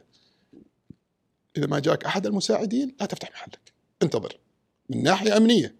لأنه قد يكون لا سمح الله يجي واحد يشغله أو يشاغله وواحد ثاني يمكن يسرق. لذلك إحنا ليش تجي أول واحد وتفتح وبعدين حتى لو كانوا لا تفتحون الا يفتح السوق متكامل مم. محلات الذهب ما تفتح في مكان في منا- مناطق نائية مم. ولا في في في بدون لازم جوار يكون مأهول. طبعا طبعا لأنه محلات الذهب فيها موجودات أكثر من موجودات بعض البنوك متوسطة الحجم مم. البنوك الفروع الصغيرة فرع الصغير في البنك نهاية الدوام ما يقعد عنده 200 400 ألف بالكثير والبقية كلها تنقل إلى الخزنة. الإقليمية البنوك المتوسطة الفروع المتوسطة ما كانت فيها أكثر من مليون أو مليونين. محلات الذهب أقل محل فيه 10 20 30 مليون. جميل. يعني جميل. المحل اللي فيه اللي فيه 10 مليون هذا أقل محل. في جميل. 20 وفي 30 وفي في محلات المجوهرات فيها إلى أكثر من 100 مليون في داخل المحل بضاعة. ما شاء الله. لذلك قلنا أول شيء أمانة الحضور والإنصراف. تحضر سوا مع أخوياك وتطلع معهم بالتسكير لازم تسكرون سوا. ما يسكر المحل شخص واحد باقي واحد يسكر المحل لا. لازم كلهم مع بعض. ما حضور وانصراف الأمانة البضاعة. اليوم أنا عندي بضاعة بضاعتنا إحنا بننتج هي من إيطاليا هي سابقا من تركيا من آه، هونغ كونغ من تايلاند من. الإمارات من البحرين الكويت آه، حجازي بضاعة حجازي نقول لها شغل منطقة غربيه بضاعه محلية. أنا لما تجي عندي قطعة جميلة شلون؟ يجب إنك تحافظ على سرية هالقطعة منين جت؟ أنا حتى لو كان عندي واحد المحلات الثانية جاء المدير اللي فيها وقال لهم تعال يا فلان هذه منين جبتوها؟ يجب إنه ما يعلم منين جت. لازم تحافظ على سرية البضاعة.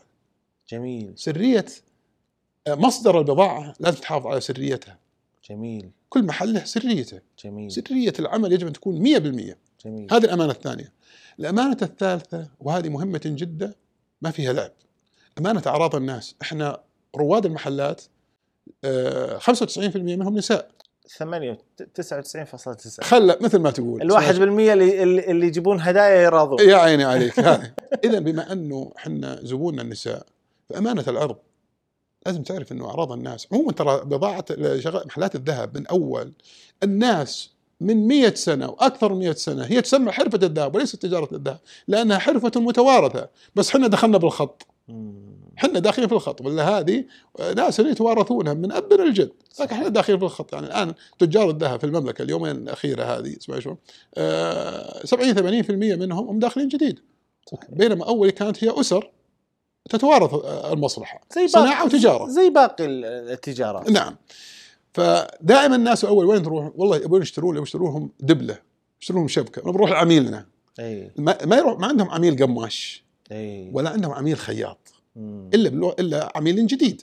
خياطين تعاملوا معهم من جديد أو قماش تعاملوا معه من جديد لكن سمعة صاحب الذهب والمجوهرات هذه سمعته قديمة تلقى تستعامل معها أمها بالأول وقد يكون جدتها من الأول وإن كان مشتريات من أول الناس قليلة لكن حتى لو كان اشتريت لها على قولهم خويتم خويتم صغير ها ولكن شريناها من عميلنا إيش معنى كلمة عميلنا؟ ليش أنا أقف عندها؟ معناها في ثقة أوه في ثقة في احترام مم.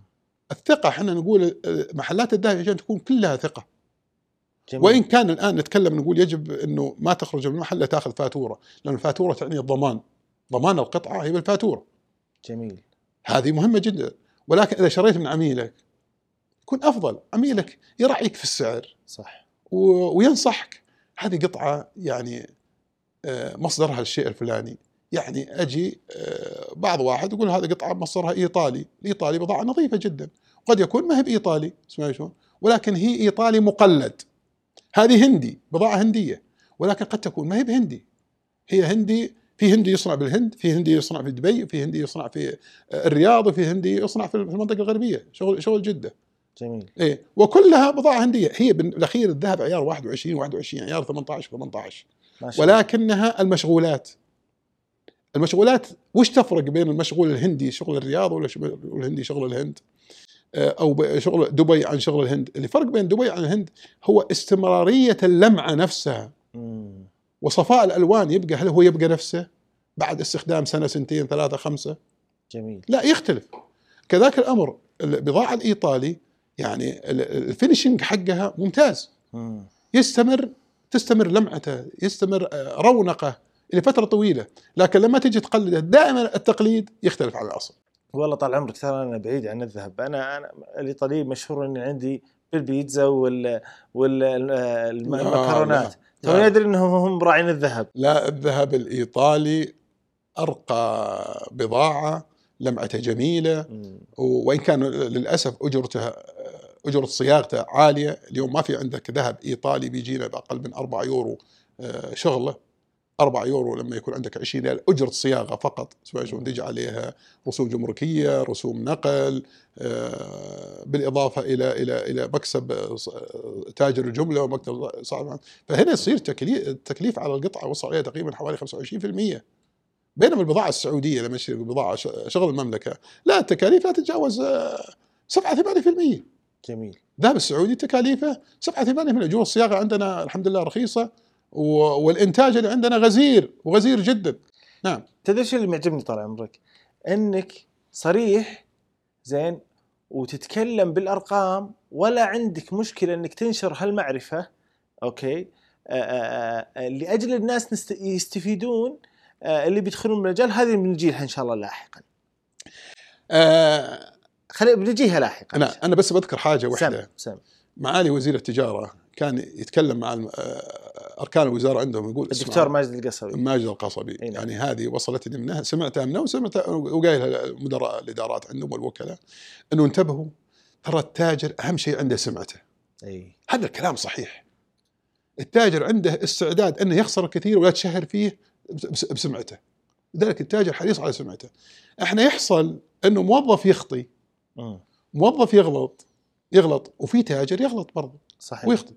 ولكن ما في واحد ما هو حريص على سمعته وكل اللي حريص على سمعته لا يمكن يرتكب الخطأ متعمد 100% صحيح. الخطأ حاصل لكن ليس قد يكون 100% آه، فلذلك الإنسان لازم يكون واضح وصريح.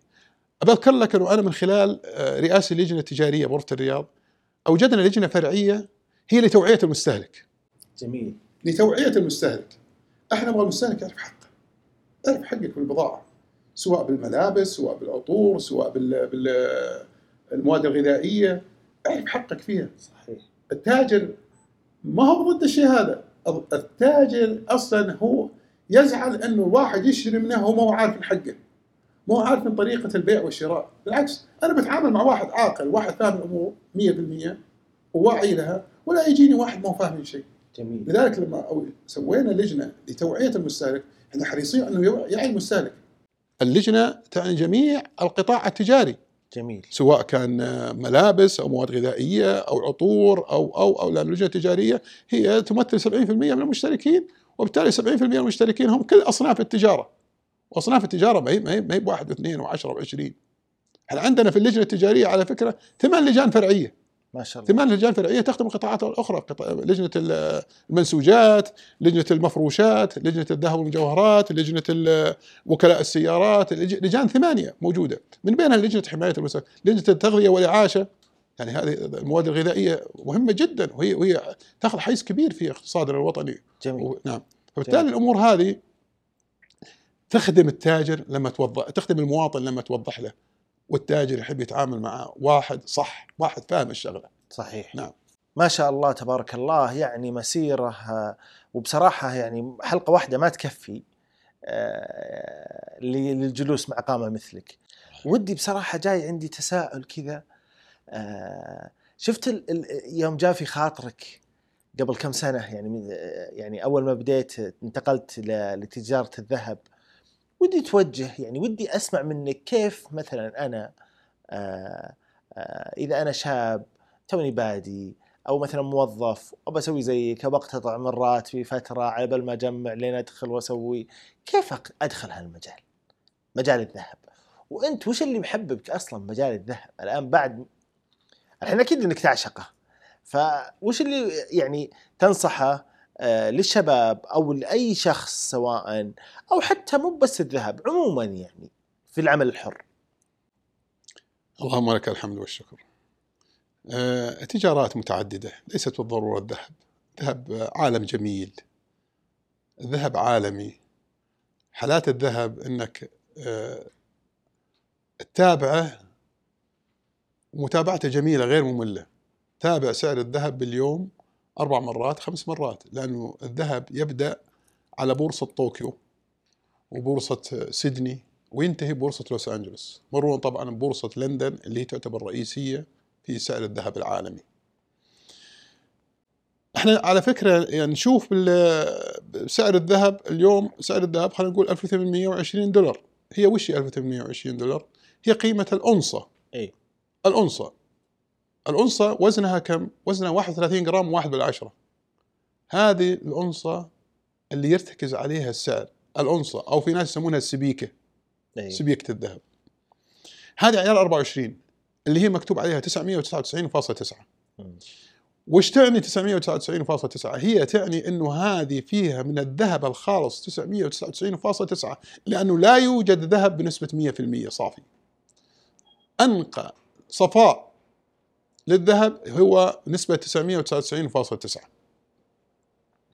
أما لما نجي نتكلم عن عيار 18 عيار 21 عيار 21 هو عبارة عن 875 بالألف ذهب و125 بالألف نحاس وفضة ومواد شائبة. جميل.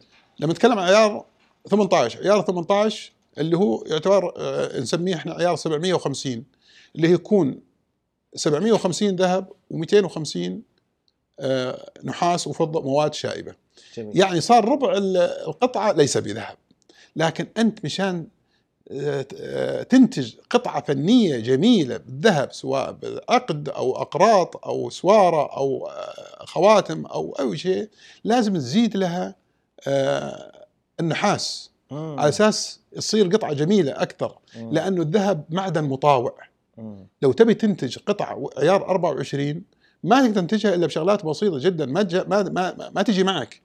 لأن الذهب معدن مطاوع هل تعلم إنه من جرام واحد ذهب جرام واحد ذهب باستطاعتك أن تنتج سلك طوله 10 متر؟ كيف؟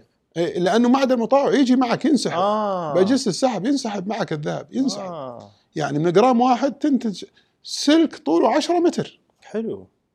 لذلك أنت بتحول إلى تنتج صياغات معينة قطع فنية معينة لازم تحوله لعيار 21 تبغى قطع أميز وأميز تحوله لعيار 18 في الدول الأخرى يحولون لعيار 14 لكن إحنا في المملكة نظام المعادن الثمين والاحجار المر- الكريمة صادر بمرسوم ملكي لا يسمح ولا يجيز بيع ذهب أقل من عيار 18 أقل من عيار 18 يعتبر معارض النظام مخالف وهذه أي أي محل يجد تجد عنده قطعة أقل من عيار 18 يعرض للمساءله والغرامة والسجن. الغرامة تصل إلى 400 ألف ريال بل ربما أعتقد في التعديل الأخير يصل إلى مليون ريال في حال أنه واحد جاب عيار أقل من 18 وعرضه. مجرد العرض قبل البيع. جميل. ممنوع. نعم. نجي الشباب. شبابنا عيالنا تجارة الذهب حلوة. صناعة الذهب حلوة. يعني إحنا يوم نشوف واحد من عيالنا يجي عندنا نقول ما شاء الله عليه تلق والله سنك ذهب. أوكي. طيب أنا هال- هالجزئيه بوقف عندها؟ مم. سمعة الذهب حلوة. إذا أراد الله سبحانه وتعالى لكم أنكم تشتغلون حتى في محلات الذهب. محلات الذهب تدفع رواتب عالية. ما في محل ذهب يدفع راتب للمبتدئ اللي توه دخل لسه ما يفك الحرب اللي ياخذ 5000 ريال. لسه وجديد fresh. fresh. أبو كرتونة إحنا نقوله. أي. ما يفهم شيء. ولا يسمح له بالبيع أصلا. يدخل جالس. جامعي مو بجامعي. لا لا لا ابدا ابدا. ممكن كفاءة متوسطة. إحنا تدري إنه كفاءة متوسطة. أنا أظلم آه، الشباب أقول؟ إلا أقل من كفاءة المتوسطة. إحنا في عندنا ناس يشتغلون عندنا ما معهم إلا خمسة وسادسه ابتدائي. مجرد إنه يعرف يقرأ ويكتب ويكتب الفاتورة كتابة جيدة تشغله. شغلة اسمه شلون لكن المهم يكون مخه نظيف عند- طبعاً، عنده أكيد. حضور ذهني. لأنه شغلتنا يبغى لها انتباه يبغى لها حرص يبغى الواحد يكون عنده يكون عنده ثمان عيون مو أربع عيون مو عينتين. أوه أوه. اي لازم يكون مدرك اللي حوله كله. لا يعني شغلتها نشغل فيها الواحد. ال- الحدق على قولهم صار والحدق مم. ها. واحد الذهين. واحد اللي اللي, اللي, اللي يقراها وهي طايرة يفهمها وهي طايرة. لأنه أنا يهمني في المحل إنه بعد ما تعرف أنواع البضاعة أصنافها هذه مستورده منين هذه مستورده منين هذه كم تكلفتها في قلت لك إنه يوم نقول الذهب السعودي إن أجور صياغته آه، خ- رخيصة وبالتالي هو أكثر آه، أبيع عندنا هو الأبيع الذهب السعودي. إحنا نبيع 80% أو 90% من الذهب اللي نبيعه ذهب سعودي. يعني 10 إلى 20% الذهب المستورد. وسمعة الذهب السعودي على فكرة في جميع أنحاء العالم رائعة. يعني لما تجي في دول إفريقيا ودول آسيا لما مع ال- الحجيج لما يروحون يشترون ذهب لما يكون معها أي قطعة ذهب صغيرة أو كبيرة سعودي عليها ختم السعودية خاص هذه ياخذونها وما يحللون خلاص ما في داعي تحليلها لكن لو جبت ذهب ثاني من الدول الأخرى ما أبي أسميها حتى لا نقول نكون إحنا آه، آه، إي لا لا خلاص. الدول الثانية غالبية الدول الثانية وليس جزء منها غالبية الدول الثانية لما يجي الذهب عيار 21 إحنا نتأكد منه خلينا نحلله. يمكن مو 21 يمكن ينقص. إحنا في عندنا دولتين ثلاثة لما يجينا الذهب منهم إذا كان مختوم عليه 21 إحنا ناخذ أقل. لأنه نعرف أنه 100% هذول عندهم غشش في الذهب. فلذلك لازم نحلل. أنا ما عندي استعداد إني آخذ 21 ومكتوب عليه 21 لأنه في لعبة هذه دولتين ثلاثة ما نبي نذكرها وكان 18 ما ناخذه إذا كان 18 ما نشتريه مو ليه مرة ما نأخذه لأن ذوك عندهم لعب بالعيار يبيعون عيار 14 وعيار 13 عموما آه، في دول أخرى يعني حتى بأمريكا إلى إندونيسيا في عندهم ذهب عيار آه، 14 13 12 10 9 عندهم عيار 9 لما تكون عيار 9 يعني هذا الأنحاس فيه أكثر من الذهب. اي لأنه صارت تسعة آه، تسع نسب ذهب و15 نسبة هي ذهب هي نحاس وفضة ومواد شائبة معها. فصار نعم. نحاس أصلا هو. أيوه. لذلك إحنا نقول لعيالنا لما تشتغل في محل راتبك اليوم 5000 ريال بذهانتك بشطارتك بحضورك بتواصلك بجديتك مبيعاتك أنت لما يجي آخر الشهر وأنت بايع لي والله مبلغ وقدره طبيعه الحال بعطيك بونص. أجي آخر السنة لك بونص كبير. حتى إنه لما يكون أخو شمة واستطاع أن يفهم المصلحة صح 100% فيه كثير محلات يعطونهم آخر السنة البونص يعطيه آه، يعني يعطيه مبلغ يعادل كيلوات من الذهب. ما شاء الله تبارك. يعادل كيلوات. فأنت إذا تبي تشتغل في المحل خمس سنين مم. سبع سنين راح يصير عندك محل بإذن الله تعالى. ما شاء الله. أنا يعني متأكد. من يعمل في محل ذهب يعني بتقدير بشطارة. بشطارة وبذهانة وبذهانة ويكون جيدا منتج. وباع مبيعات كبيرة مم. 100% بيتحول بعد كم سنة إلى تاجر لأنه بالحالة هذه. يكون حوش له مثل ما يقولون جمع له كم كيلو عشان يقدر يفتح زي هذا البداية ثم يكون هو مارس الثقة عند رفيقه الأول المعزبه الأول اللي اشتغل عنده. وصار ثقة معروفة فتجار الجملة أنا وغيري نقول فلان لا فلان أعطوه يجي يعطوه ما تعطيه 500 جرام اعطى كيلو كيلو وين؟ ما يخالف هذا يسدد هذا رجل محترم هذا. سمعته؟ طيبه نذكر كان شغال عند فلان. أعطوه يا أخي. فلان أعطوه. إحنا عندنا كم واحد نقول أعطوهم. في ناس نقول خلاص هذا تعطيه 100 جرام وإذا ما سدها خلال يومين ها؟ لا عاد تعطونه. وفي ناس ما نعطيه لو يبي جرام واحد. أوه. سد كامل حقك هنا. ما تطلع. وخصوصا اللي طلع عليهم أسماء وسمعات سابقة. جميل.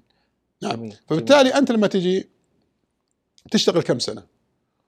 راح تتحول إلى رجل أعمال. وراح تشغل الناس. وت وت وت وتخلي القرش شغال. القرش بس يشتغل في السوق. يعني فيه بركة على الجميع. يعني ال- القرش اليوم أنت إذا بعت آه، استفاد من وراك ال- ال- القماش واستفاد من وراك راعي المفروشات واستفاد معرض السيارات واستفادت ورشة السيارات. القرش يدور داخل البلد. فالمجرد الواحد يشتغل بإذن الله تعالى. مع صفاء النية مع صدق النية. عقله صافي 100% للمصلحة لازم يكون مخه نظيف مرة. ما يقعد يلعب لي في الجوال داخل المحل.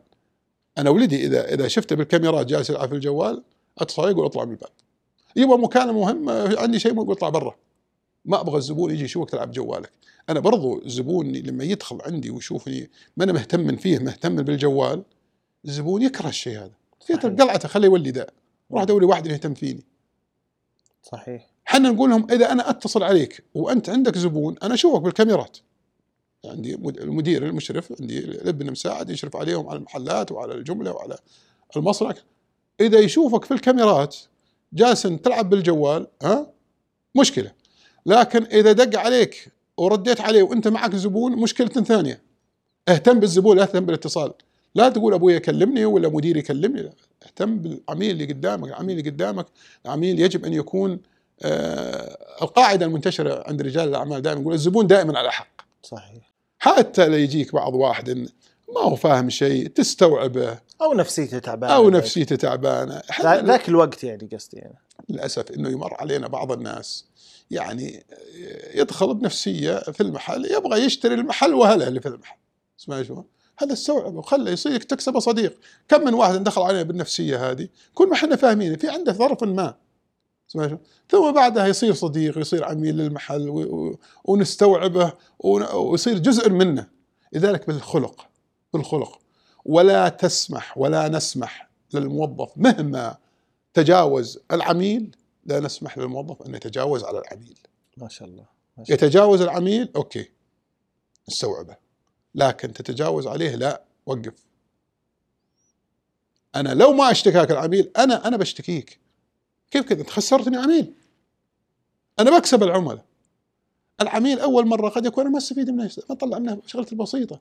لكن لما يجد إنه هالمحل ثقة والمحل آه، ناس فيه مو- موظفين فيه جيدين محترمين يحترموني بستمر معه. صحيح. والمكسب بالديمومة ما هو ما هو شريت مرة واحدة. صحيح. على طاري الديمومة طال عمرك عندك عملاء من قديم والله إني أقول لك أنا عندي محلات في في أطراف الرياض أي. وعندي في وسط الرياض أي. والله في أطراف هين الرياض عندك حق الجملة أنا زرتك في حق لا، لا. الجملة إي لكن اللي في في بعض المحلات اللي في أطراف الرياض والله يجونهم ناس من أحياء أخرى عكس تقريبا 30 كيلو يجي ليه؟ ما شاء الله ليه؟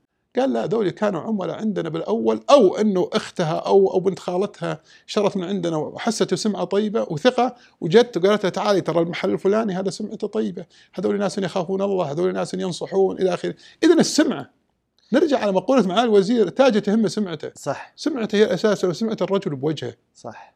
السمعة هي المهمة، هي اللي تكسبك وهي اللي تخسرك. في التجارة عموما. مي كل أنواع التجارة. اي إن جيت في الذهب وجيت في الملابس وإن جيت في المفروشات ومع معارض السيارات. كم معرض السيارات؟ أول يوم كنا نشتري من معارض السيارات. وش نقول والله يا أخي والله إن الرجال ذا سمح. يا رجال اخذتنا والله ما معطيك إلا سيارة صح. منصح ما انصح يجي يعطيك السيارة يقول لك هذه شوف ترى فيها مشكلة. هذه مكسورة فيها الركبة. هذه والله تراها مجددة ماكينتها إلى آخره. سيارات مستعملة. اسمعي شلون. راح الوكالة. لما نأخذ من الوكالة الوكالة ما يقول الكلام ذا. سي- سيارة وكالة وكالة. okay. لذلك وش نعتمد على سمعته؟ سمعة راعي المعرض ذا. وفي عندنا فعلا معارض السيارات في كم واحد؟ ما شاء الله يبيعون آه عشر أضعاف المعارض الثانية شكلك لك في السيارات. والله مالي فيها شيء لكن لكن أعرف انه إنه الكلام هذا موجود في كل الصناعات صحيح، في صحيح. كل التجارات. الناس اللي يحافظون على سمعتهم لهم زباينهم ويزودون الزباين. هل عندك. طال عمرك ولا قطع الوالدك هل عندك زباين من 1413 اللي هو مع افتتاح أول إلا والله موجودين. ما شاء الله أنا قد يكون يتميز عندي واحد من محلاتي حافظ على اسمي. إي. واحد من المحلات البقيه كلها اخذت أسماء أخرى. إي. واحد باقي اسمي عليه. إي. ثم آه أنا وقفت فيه كم سنة؟ إي. ثم أولادي وقفوا بعدي كم كم سنة؟ إي. ولا زال إلى غاية الآن لازم يجي واحد من من أولادي يكون موجود في المحل ذا اي يوميا لازم يكون واحد من ليش. متعلق بهالمحل؟ آه هو باب هو الأساس مم. هو الأساس هو باب رزقنا الأول ما شاء الله فلذلك يوميا لازم واحد من الأولاد يجي يداوم في المحل ذا. أبد موجود يا مشاري تعال ولا يا نايف ولا يا أحمد أي واحد منكم لازم يكون يداوم في المحل في محل كريم لازم يكون واحد منكم موجود لأنه الناس بتع... وين وين ولد كريم؟ كريم ما هو موجود وين ولد كريم؟ مم. لأنه الحمد لله فيه ثقة فيه احترام فيه فيه نمتص غضب الزبون. يعني في عندك حالات تحصل. إحنا بالنسبة لنا الذهب نقول ما نرجع الذهب ما يرجع. لأنه الحرمة تأخذه وتكشخ فيه وتروح تسير فيه من السياره تسوي فيه زيارة لا رجعت عند أستاذنا تبيعه. اسمع شلون نقول ما يرجع. إحنا نقول لا رجع. ما شاء الله ترجع؟ والله يرجع. اليوم ما شاء ما شاء وبكرة وبعد بكرة. ما شاء الله. لكن شوف المصداقية في الزبون. هذه عميلتي صادقة. هذا عميلي رجل محترم مو مستأذن علي. اسمعي شلون. كذلك الأمر يصير في عندك أحيانا ناس تحصل عندهم يعني اجوا واشتروا تجهيز عروس. مم. جهز العروس ب 40 50 ألف ريال. ولكن حصل اختلاف ما تم العرس. وش نصير إحنا والدهر عليه؟ لا. لا يا حبيبي هات الذهب. ما شاء الله. والله يعوضك بخير منها. ما شاء الله. ويرجع ثاني مرة ويشتري العروس الثانية ب 70 ألف بدل 50 ألف. لذلك لازم تكون شراكة أنت وياه بالخير ومش ومشكلته. تكون مع شريك حتى بمشكلته كذا تكسبه. المكسب بالاستمرارية. صحيح. وبعدين تبيع بمكسب عالي الآن. طيب وبعدين؟ عوضت أخذت منها 10% كويس أحمد ربك 10% إحنا على فكرة في الذهب إذا صفينا مكسب 10% هذا يعتبر ممتاز. جميل. إحنا ما ما نطلع 10% جميل. إحنا مكاسبنا 4 5 7 8% الغالب. جميل. قد يكون قد يكون. تجي حاجة صغيرة خاتم ولا حلقان ولا شيء اوزانها على جرامين وثلاثة وتعليق صغيرة هذه يمكن يجي فيها مكسب أكثر ممكن يوصل فيها مكسب 15 20% لكن هل 20% كم تمثل فيها؟ يعني تمثل فيها يمكن 20 ريال 30 ريال لا الزبون يمل منها وأنت برضو ما دخلت لك شيء.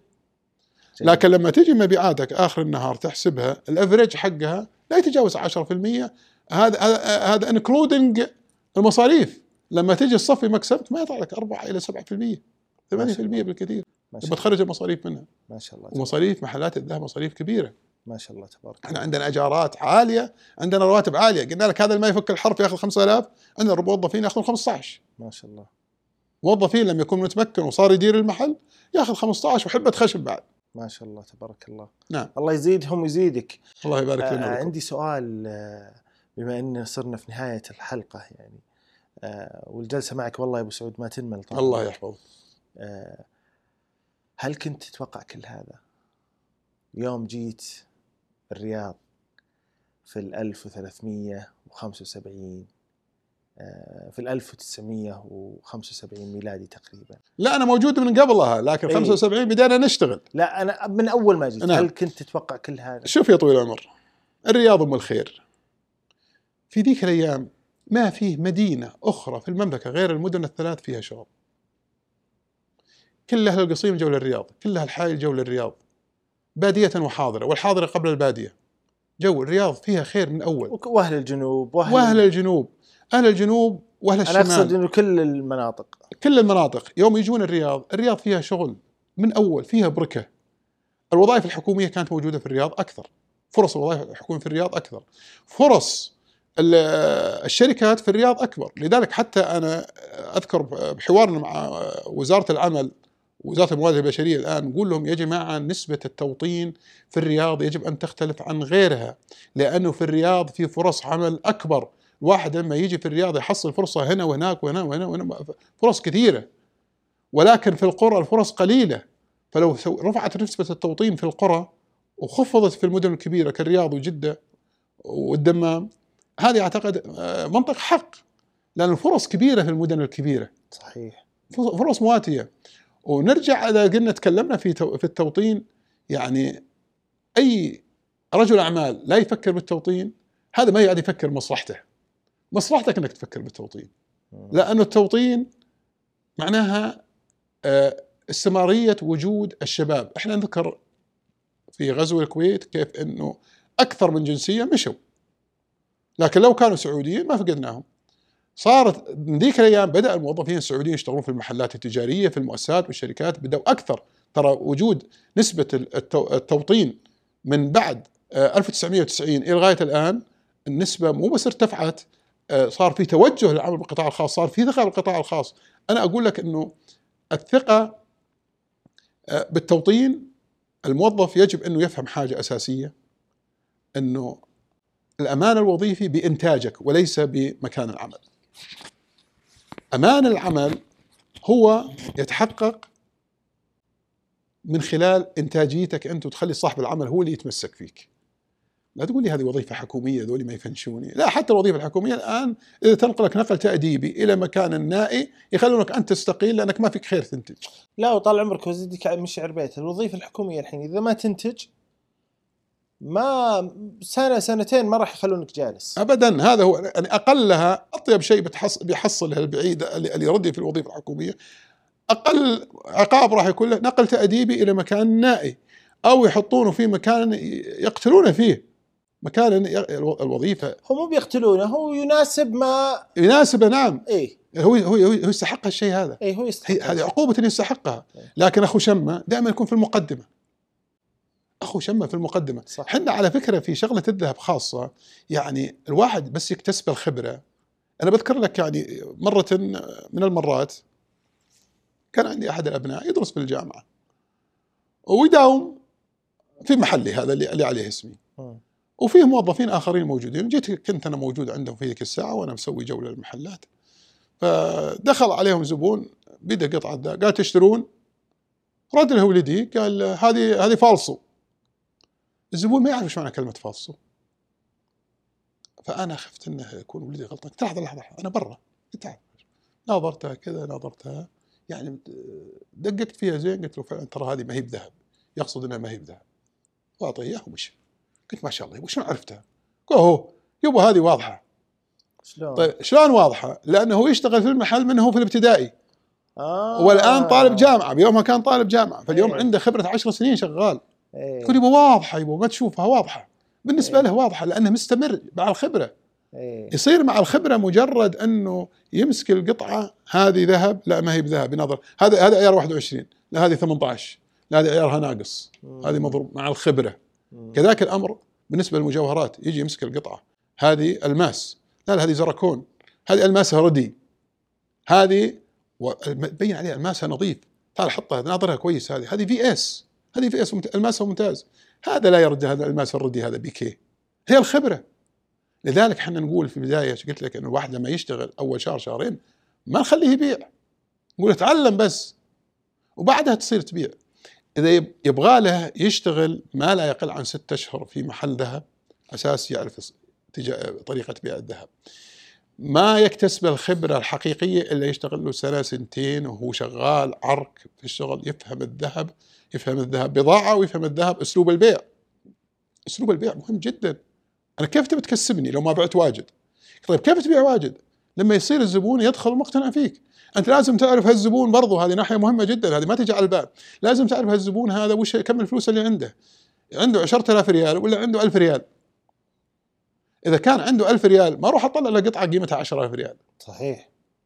يصير لما تطلع له قطعة قيمتها 10000 ريال ما عاد تقنع القطعة أم 1000 ريال اللي تستحق فلوسه. صح صح. لازم تعرف كم اللي عنده بطريقتك بأسلوبك. فهنا بالحالة هذه كسبت ثقة العميل كسبت ثقة صاحب الحلال وصرت كيف تعرف كيف توصل له وكيف خليته اللي جاي أو الحرمة اللي جاية إنها جاية تبي تشتري لها خاتم خليتها تقنعها إنه سوارتك هذه موديل قديم عندي وحدة موديل جديد. آه وشوف فيها؟ ترى تفرق عنها والفرق بالسعر ترى مبلغ بسيط كذا. هي تناظر كذا والله عندها الفرق 500 ريال تزيد على قطعتها القديمة وتأخذ القطعة هذه. هذا هذا أسلوب البيع. يعني لازم يكون فهلوي خلينا نقول. فهلوي البيع والشراء. ولكن ما نقول لك أضحك على الزبون. لا لازم أوضح له. أنا بذكر لك إنه زمان يعني كانوا يجون ياخذون الشؤون. حريم ضعيفات تجي تأخذ الشؤون آه، حق السنة. مكافأة الضمان الاجتماعي. الضمان الاجتماعي. أي. كانت تأخذ السنة دفعة واحدة السنة دفعة واحدة تجيبها مبلغ كبير. لما تجيبها مبلغ كبير تقول لك أنا بشتري فيه ذهب على أساس إنه يبقى عندي لو صار عندي لو شريت لو صارت المبلغ كله عندي أنا راح أصرفه وأضيعه بيومين. لذلك لازم أشتري فيه ذهب. يا بنت الأجواد ترى هذا الذهب فيه خسارة. والله تنصحها تقول لك أنا ما شريت فيه ذهب راح يروح كله. خلي يروح منه جزء. لذلك لازم تكون ناصح مع العميل. تكون صادق معه. بري ذمتك معه. إن كان حرمه وإن كان رجال. أنت بتكسب اكسب العميل. اكسب مرة ثانية وثالثة. لا تقول والله اشتغلت فيه بعته بيعة قوية الآن وطلعت منه مكسب عظيم. في أي سلعة يا أخي؟ ما هو في الذهب. في أي سلعة. في معارض سيارات كانوا يكسبون يبيعون بالسيارة. يبيعون حصل فيها 1000 2000 يا ربي لك الحمد يلا. وبيعوا باليوم 100 سيارة 200 سيارة. هذا حقين سيارات المستعمله اسمعي شلون. وفي واحد يقول إذا ما اطلع من السيارة ذيك كثر حقها اسمعي شلون. تلقاه كم بيبيع؟ بيعرف في الأسبوع سيارة ولا سيارتين. عموما أي مصلحة مكسبها بسيط خيرها كثير. الله الله الله يديمه علينا وعليك وعلى كل مسلم. آه سمعت منك كلمة أول مرة تكلمت أنا وياك بالتليفون. قلت لك وش يحببك في الذهب. ليش تشتغل في الذهب؟ قلت لي اسمع الذهب هو الملاذ الآمن. ودي إيه. هذه يعني ودي هذه أسمع فيها منك لأني أنا سمعتها واستمتعت فيها. هذا الكلام صحيح وهذا كلام مو كلامي أنا هذا كلام الصناديق الاستثمارية البنوك العالمية سواء كانت مركزية أو تجارية كلهم يتكلمون الذهب ملاذ آمن. حتى إنه الحكومات تجعل جزء من مدخراتها في الذهب. تضع جزء من مدخراتها في الذهب. صناديق استثمارية كبيرة. صندوق فيه 100 مليار تلقى عندهم 5 10 مليار ذهب. صندوق فيه 20 مليار يخلون منه مليار أو مليارين أو أو أو 500 مليون أقل شيء في الذهب. لأنه أنت يوم من الأيام لما تتعطل أي تجارة إحنا نذكر فترة صار في عندنا شوية آه، ركود. اي نزول بأسعار البترول. نعم في فترة الركود يعني معارض السيارات صار المعارض ما يبيع له سيارة عنده 200 300 سيارة في المعرض ومحتاج له 50000 ريال ما في ما حد يشتري منه. وصاحب الاقمشه كذلك أمر صاحب العقارات عنده عقارات قيمتها كم مليار محتاج له أنا أذكر واحد كان عنده عنده عقارات مليارين لكن محتاج له 10 مليون كاش وعنده مع البنك مشاكل اسمها شلون؟ وقف. اضطر إنه يبيع عمارة 100 مليون يبيعها ب 50 مليون لأنه محتاج له سيولة. هنا نتكلم طال عمرك الذهب لا يختلف. الذهب مجرد إنك تعرض تحصل فلوس على طول. جاهز المبلغ اميدتلي مجرد إنك تعرض الذهب؟ سمع شلون؟ جاهز. لذلك هو الملاذ الامن هو اللي يخدمك بالوجود متى ما بغيته. اميدتلي تأخذ فلوسك. لا تنتظر عرض وطلب ولا انتظر بالسعر الحالي تأخذه. وبناقص كم؟ خصوصا لما أتكلم على السبائك وجنيهات وإلى آخره. يعني تبيع بكم؟ بناقص تقريبا 1% إلى 2% ولا شيء هذه. عن السعر العالمي سعره بيومها يمكن قد يكون اشتريته يوم كان الذهب الأونصة كانت كانت ب 700 دولار أو ب 400 دولار. في ناس اللي اشتروا ب 400 دولار ولما صارت ب 2000 دولار حققوا مكاسب 500% وكل ياخذ رزقه. جميل جدا يعني ورائع بصراحة الكلام معك عن الذهب. آه، دائما في مقولة آه، يعني جتني الحين في بالي آه، عن الكاش. دائما يقولون الكاش ملك. الذهب وشو؟ إحنا لما نتكلم عن الكاش النقدي أيه. الكاش النقدي متوفر عندك بالريال السعودي بالجنيه الاسترليني باليورو بالدولار موجود عندك في كل العملات. جميل. لكن لو جينا في منطقة النائية في المملكة وقلت لهم والله ما معي ريال معي جنيه الاسترليني قالوا ما ناخذه. أها. معنا يورو ما ناخذه. مم. هذا في في المملكة. لو جيت في دول إفريقيا في دول آسيا ما معك عملة البلد ما حد ياخذها منك. مم. لكن لو معك ذهب الذهب هنا هو الملك. ما هو إذا المقولة ما تتفق معها أنت. المقولة هي لكل حدث حديث. أي. الكاش لما يكون عندك لما يقولون كاش ملك أنت الآن كصاحب, كصاحب تجارة يجب انه يكون عندك آه، من السيولة مبلغ من السيولة يحركك. يحرك. أحيانا تجيك آه، صفقة آه، بسعر مخفض. اليوم أنت تاجر مواد بناء. في عندك شركة وردت كمية كبيرة ومحتاجة كاش. هم محتاجين كاش. اللي عنده كاش راح ياخذ بسعر مخفض. هنا يقول لك الكاش ملك. عندك فرصة إنك تأخذ لك محل تجاري عندك فرصة إنك تشتري شركة. لكن إذا عندك كاش تقدر تشتريها ما عندك كاش يعني ما, ما تقدر تأخذ الدين بدين. اذا الكاش يجب أن يكون موجود. الذهب أعلى من قضية الكاش النقدي. قلت لك لو جينا في في في بدينا في في أفريقيا ولا معك عملة البلد لو معك كل العملات الصعبة ما قبلوها. لكن الذهب من يوم تقول هذا ذهب على طول. ترمي الذهب يرن. الذهب إحنا نقول الذهب يرن. صوت الذهب يختلف. حتى فعلا هذه معلومة ثانية. رنة الذهب صوت الذهب يختلف عن أي قطعة معدنية أخرى. ما شاء الله تبارك الله. كل الأحوال الذهب تنصح دائما إنه الحين كثير من وحتى بس مو برضو شباب يعني من العوائل أو آه، رجال ونساء ومن جميع الأطياف خلينا نقول. دائما يا تلقاه مثلا يروح يحط فلوسه في أرض آه، أو مثلا اسهم أو يعني شغلات ثانية. آه، هل تشوف أنت آه، ودائما يحاولون يعني هذول اللي يعني يحاولون ريسك يعني أو مخاطرة متدنية خلينا نقول. هل أنت تنصح إنه طبعا إحنا ما إحنا بقاعدين على قولتهم يعني ننصح ببيع وشراء ولا توصيات شراء أو كذا لا. هل أنت تنصح إنه لازم يكون دائما في ذهب تملك أنت كشخص ذهب. النصيحة ما هي مني نصيحة هي من صناديق الاستثمارية ولا ولا رواد الأعمال الكبار. يقول لك يجب أن يكون عندك من مدخراتك من 5 إلى 20% ذهب. لكن ذهب خالص. اي هي ذهب. من 5 إلى 20% بمعنى آه أنت اليوم داخل في العقار عندك عقار عندك أسهم يعني هي تنويع المحفظة. الحكمة تقول لا تضع البيض كله في سلة واحدة. لا تخليه كله عقار ولا تخليه كله أسهم ولا تخليه كله آه، مواد بناء ولا تخليه كله آه، فلوس في البنك لا أنا أتكلم عن المواطن البسيط. المواطن الب... اولا لا خلينا نتكلم على التاجر. اولا اللي عنده استثمارات أيه. يجب أن يكون عندك جزء منها ذهب من الكاش حقك. النقد حقك يجب أن يكون جزء منها. لكن ما أقول لك والله عندك عمارة خلي بدل ما تكون عندك أربع عماير خلي عندك واحدة منها ذهب. سيء لو احطها ذهب لا مو صحيح الكلام هذا مم. لما يكون عندك كاش خل عندك جزء من الكاش هو ذهب مم. نجي على المواطن البسيط أو الموظف يا أخي إذا كان آه مشان نصير إحنا لجنب الحريم بعد شوي أيه. إذا كان شريت لزوجتك قطع ذهبية واحتفظت فيها عندها تتزين فيها تتجمل فيها ولما تحتاج مسكت هالذهب وبعته وكونت فيه كم من واحد شرى الأرض جزء من قيمة الأرض اللي شراها وأسس بيته هو ذهب زوجته. كم من واحد؟ كثيرين جدا. كيش الذهب اللي عند زوجته؟ وزوجته منين؟ هي شريكة عمره هي شريكة حياته. أكيد أكيد. البيت لها. كثير نسمع عن حالات أنه والله ذهب زوجته كان هو الأساس لما شرى الأرض. وبالتالي إذا خليت جزء عندك من مدخراتك ذهب أنت ماشي صح. يعني أنا كرائد أعمال خلينا نقول الآن أو واحد تاجر صغير ببدأ بعمل تجاري فتحت مثلا سلسلة مطاعم أو أو شركة برمجيات وصارت الأمور ماشية عندي لازم يكون عندي ذهب.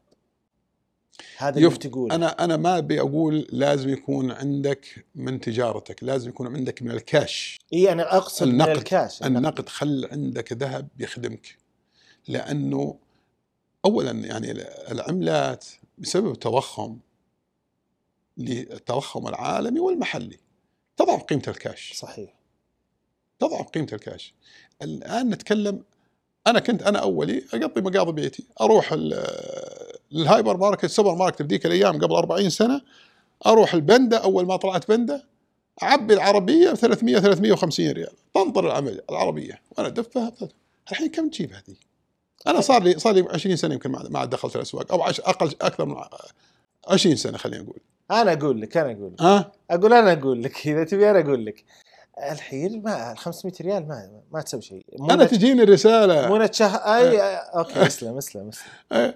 أنا العربية اللي كنت أعبيها ب 300 350 الحين 3000 ريال. إي يجيك المسج. تجي ما تجيني رساله خلاص هذه. خلاص. أنا كذا طلعت من حلالي ها؟ إي. إن كان السواق راح وجاب البضاعة الأغراض طلبات البيت أو المعزبه اخذت شغالتها وراحت وقالت خليني بجيب شغلات على مزاجي الرسالة تجيني يعني ضرب عشرة ضرب عشرة لكن الذهب إذا عندك 100 جرام بالأول هي 100 جرام ما لا زادت ولا نقصت مم. لكن قيمتها ارتفعت. ما قلت لك كم كانت قيمة الأنصة؟ إحنا وصلنا إلى قيمة الأنصة بالأول إلى 248 دولار. ووصلنا قبل كم شهر إلى 2000 وشوي 2030 دولار صارت قيمة الأنصة. ما شاء الله. اذا كم كم زاد أكثر من 700% صحيح. عموما الذهب إحنا ما نقول كثر فيه لأنه الذهب الدروب فيه كبير.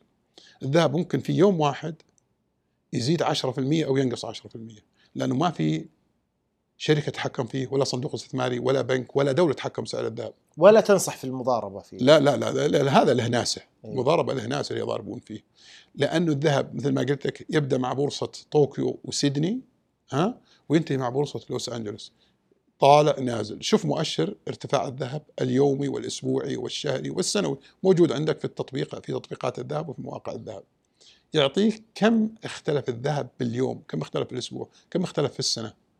عموما ال- المجازفة في كل شيء مغامرة. أكيد أكيد لكن أكيد, الذهب عزيز. أكيد. تتمسك فيه صح لكن تدخل فيه مضارب له ناسه المضاربه وأنا لست من المضاربين في الذهب. أكيد. أنا مستثمر في الذهب ولست مضارب. أكيد معروف طال عمرك نعم. ويشار لك بالبنان في هالجانب. عندي عليك. سؤال لك طرى على بالي بصراحة والحديث معك ممتع. الله يسعدك. كيف تقضي الآن يومك؟ الحمد لله. لأنك لما تقول طوكيو وبورصة لندن فأحس إنك يعني متابع لا فودي شع- اعرف كيف تقضي لا شعوريا لا شعوريا تمسك الجوال. الآن الجوال صار هو مكتبك الكامل. مم. كل شيء بهالجوال هذا. ناظر في التطبيق كم صار السعر الآن. وتناظر إذا كان لك هواية تناظر الصفقات. هذا الساعة كم؟ طبعا هي من بعد الساعة من بعد الظهر. انت تبدأ من بعد الظهر. من بعد الظهر لأنه في الصباح يعني دائما البورصات الشرقية ما تحرك السعر مثل البورصات الغربية. إي. غالبا الشغل بورصة لندن بورصة تو- آه، آه، فرانكفورت وبورصة نيويورك. يعني الذهب نرجع الذهب. إذا بنركز أكثر نقول بورصة لندن بورصة نيويورك. هي اللي تلعب في سعر الذهب طالع نازل. هذول العصر بتوقيت. إيه، من بعد الظهر. مم. من بعد الظهر تبدأ فأنت بتتابع فيهم. أنا أقضي يومي قلت لك أنا مرتفع عن عن الشغل مبتعد عن الشغل. أنا شغلي الآن والله إني يكاد يمثل 90% من وقتي الف... وقت الفراغ اللي عندي. أنا مبسوط الحمد لله بخدمه القطاع التجاري سواء قطاع الذهب أو القطاع التجارية الأخرى. من خلال اللجنة التجارية بغرفه الرياض من خلال اللجنة الوطنية للمعادن الثمينة والأحجار الكريمة، اللجنة الوطنية للمعادن الثمينة والأحجار الكريمة في مجلس الغرف السعودية، أنا رئيسها للدورة الخامسة من فضل الله ما شاء الله. إجماع الزملاء أنه كريم يرأس اللجنة. خدمت القطاع خدمت التجار خدمت المصلحة. والمعلومية أنه أنا الثلاث آه، دورات الأخيرة أنا أفوز برئاسة اللجنة بالتزكية بإجماع الزملاء. الله يجزاهم الخير ثقة منهم والله يجعلني عند حسن ظنهم. فهذه تقضي فيها أمتع الأوقات تكلم الجهة الحكومية ذي تكلم تتواصل مع معالي الوزير ولا معالي النائب ولا مع الوكلاء ولا لما يكون في شيء يستاهل إنك تتكلم فيه فوق أو إنك تجي عند الأمور الأقل موجودة عند الأقسام يستطيعون يخدمونك فيها. آه، دائما في عندك اجتماعات آه، تستمتع فيها. العمل إذا حبيته تستمتع فيه. أنا أعتقد وجدت متعتي خلال العشرين سنة الأخيرة بالغرفة التجارية بالرياض. اللي تعتبر بالنسبة لنا هي هي مو بس بيت التجار هي آه، بيتنا كلنا هي بالنسبة لنا راحتنا آه، أنسنا صرنا نجدها في العمل الغرفي والعمل التطوعي بصفة عامة سواء بالغرف أو غير الغرف. الله يعطيك طولة العمر ويعني يحقق لك كل ما تتمنى وأنا أرى يعني بصراحة يعني أشعر بالفخر بالجلوس معك والحديث معك الله. هذا غير استضافتك. وإنك يعني اعطيتنا آه، يعني من وقتك الكثير وأعرف إنه عندك الكثير والكثير لتقدمه آه، اهتمامك الآن بالشأن العام وعملك بالغرفة التجارية آه، لمساعدة لتنظيم هالقطاع ومحاولة إنه هالقطاع يتطور أكثر. وهذا شيء بصراحة نفتخر فيه. عندي يعني شغلة أخيرة ودي أقول لك إياها. هل في أي عبارة تبي توجهها كلام في خاطرك تبي تقوله مو بلنا آه، لأي شخص للعموم للدولة للمجتمع لل... آه، لأي أحد. اولا أشكرك أخوي سليمان على الاستضافة. اتحت لي فرصة قد يكون لا اجدها في مكان والله. قد أكون لا اجدها في مكان آخر. تشرفت بهاللقاء. ثم أوجه رسالتي لإخواني المواطنين إنه العمل في بلدنا خير وأنا ضد كل إنسان يطلع ريال واحد يستثمره برا. كل اللي استثمروا برا وخصوصا الطبقة المتوسطة وتحت كلهم ندموا وخسروا. بلدك خير في البلد. كل يوم في خير. اليوم نتكلم مدينة الرياض سمو ولي عهد. الله يطول عمره. قال مدينة الرياض ستصل إلى 15 مليون نسمة. إيش معنى الكلام هذا؟ معناها مشاريع كبيرة جدا راح تصير في الرياض. مشاريع عظيمة. 15 مليون يبون سكن 15 مليون يبون أماكن ترفيه 15 مليون يبون أماكن تسوق 15 مليون يبون آه يبون ذهب على قولتك. اذا هذه مدينة الرياض. أما مدن المملكة كلها أعتقد أنه الفرص كبيرة. وين ما تروح في المملكة العربية السعودية؟ في فرص فرص عظيمة فرص فرص جميلة. أنا عندي مشاريع خارج الرياض. مع بعض الزملاء ولكن أعتقد أنه أي مكان تحط فيه فلوسك في المملكة فيها خير.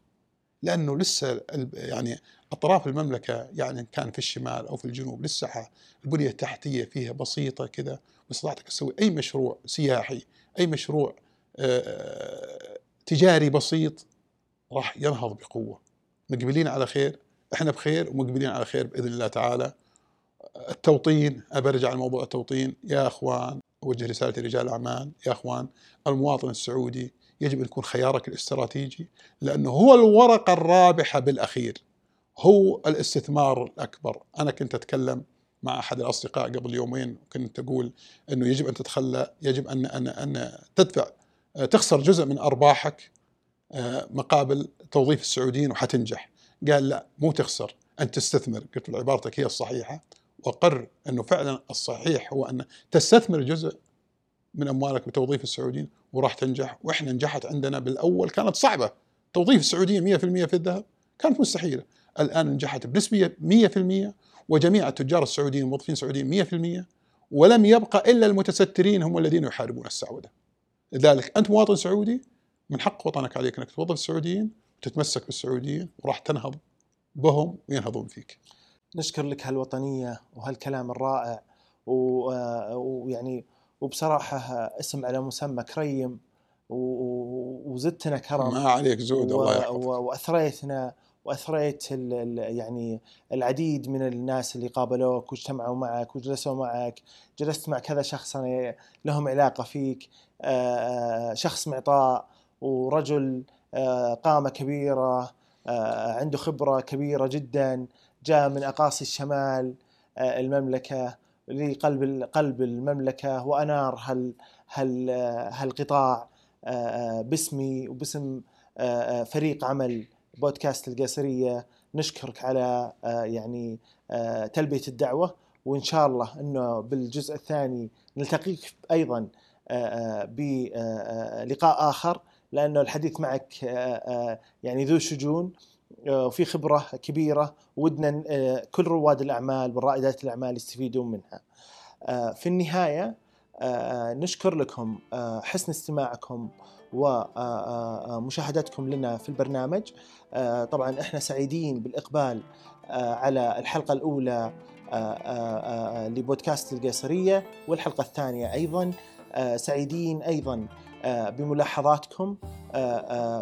حاولوا قد ما تقدرون لتحسين هذا العمل وتحسين البودكاست أنكم تتواصلون معنا من خلال إيميلنا بودكاست at ibhub.com أو من خلال حساباتنا المنشورة في وسائل التواصل الاجتماعي سواء لاقتراح الضيوف أو للملاحظات أو آه، آه، لأي شيء ممكن توصلونه لنا ممكن يفيدنا ودمتم بخير.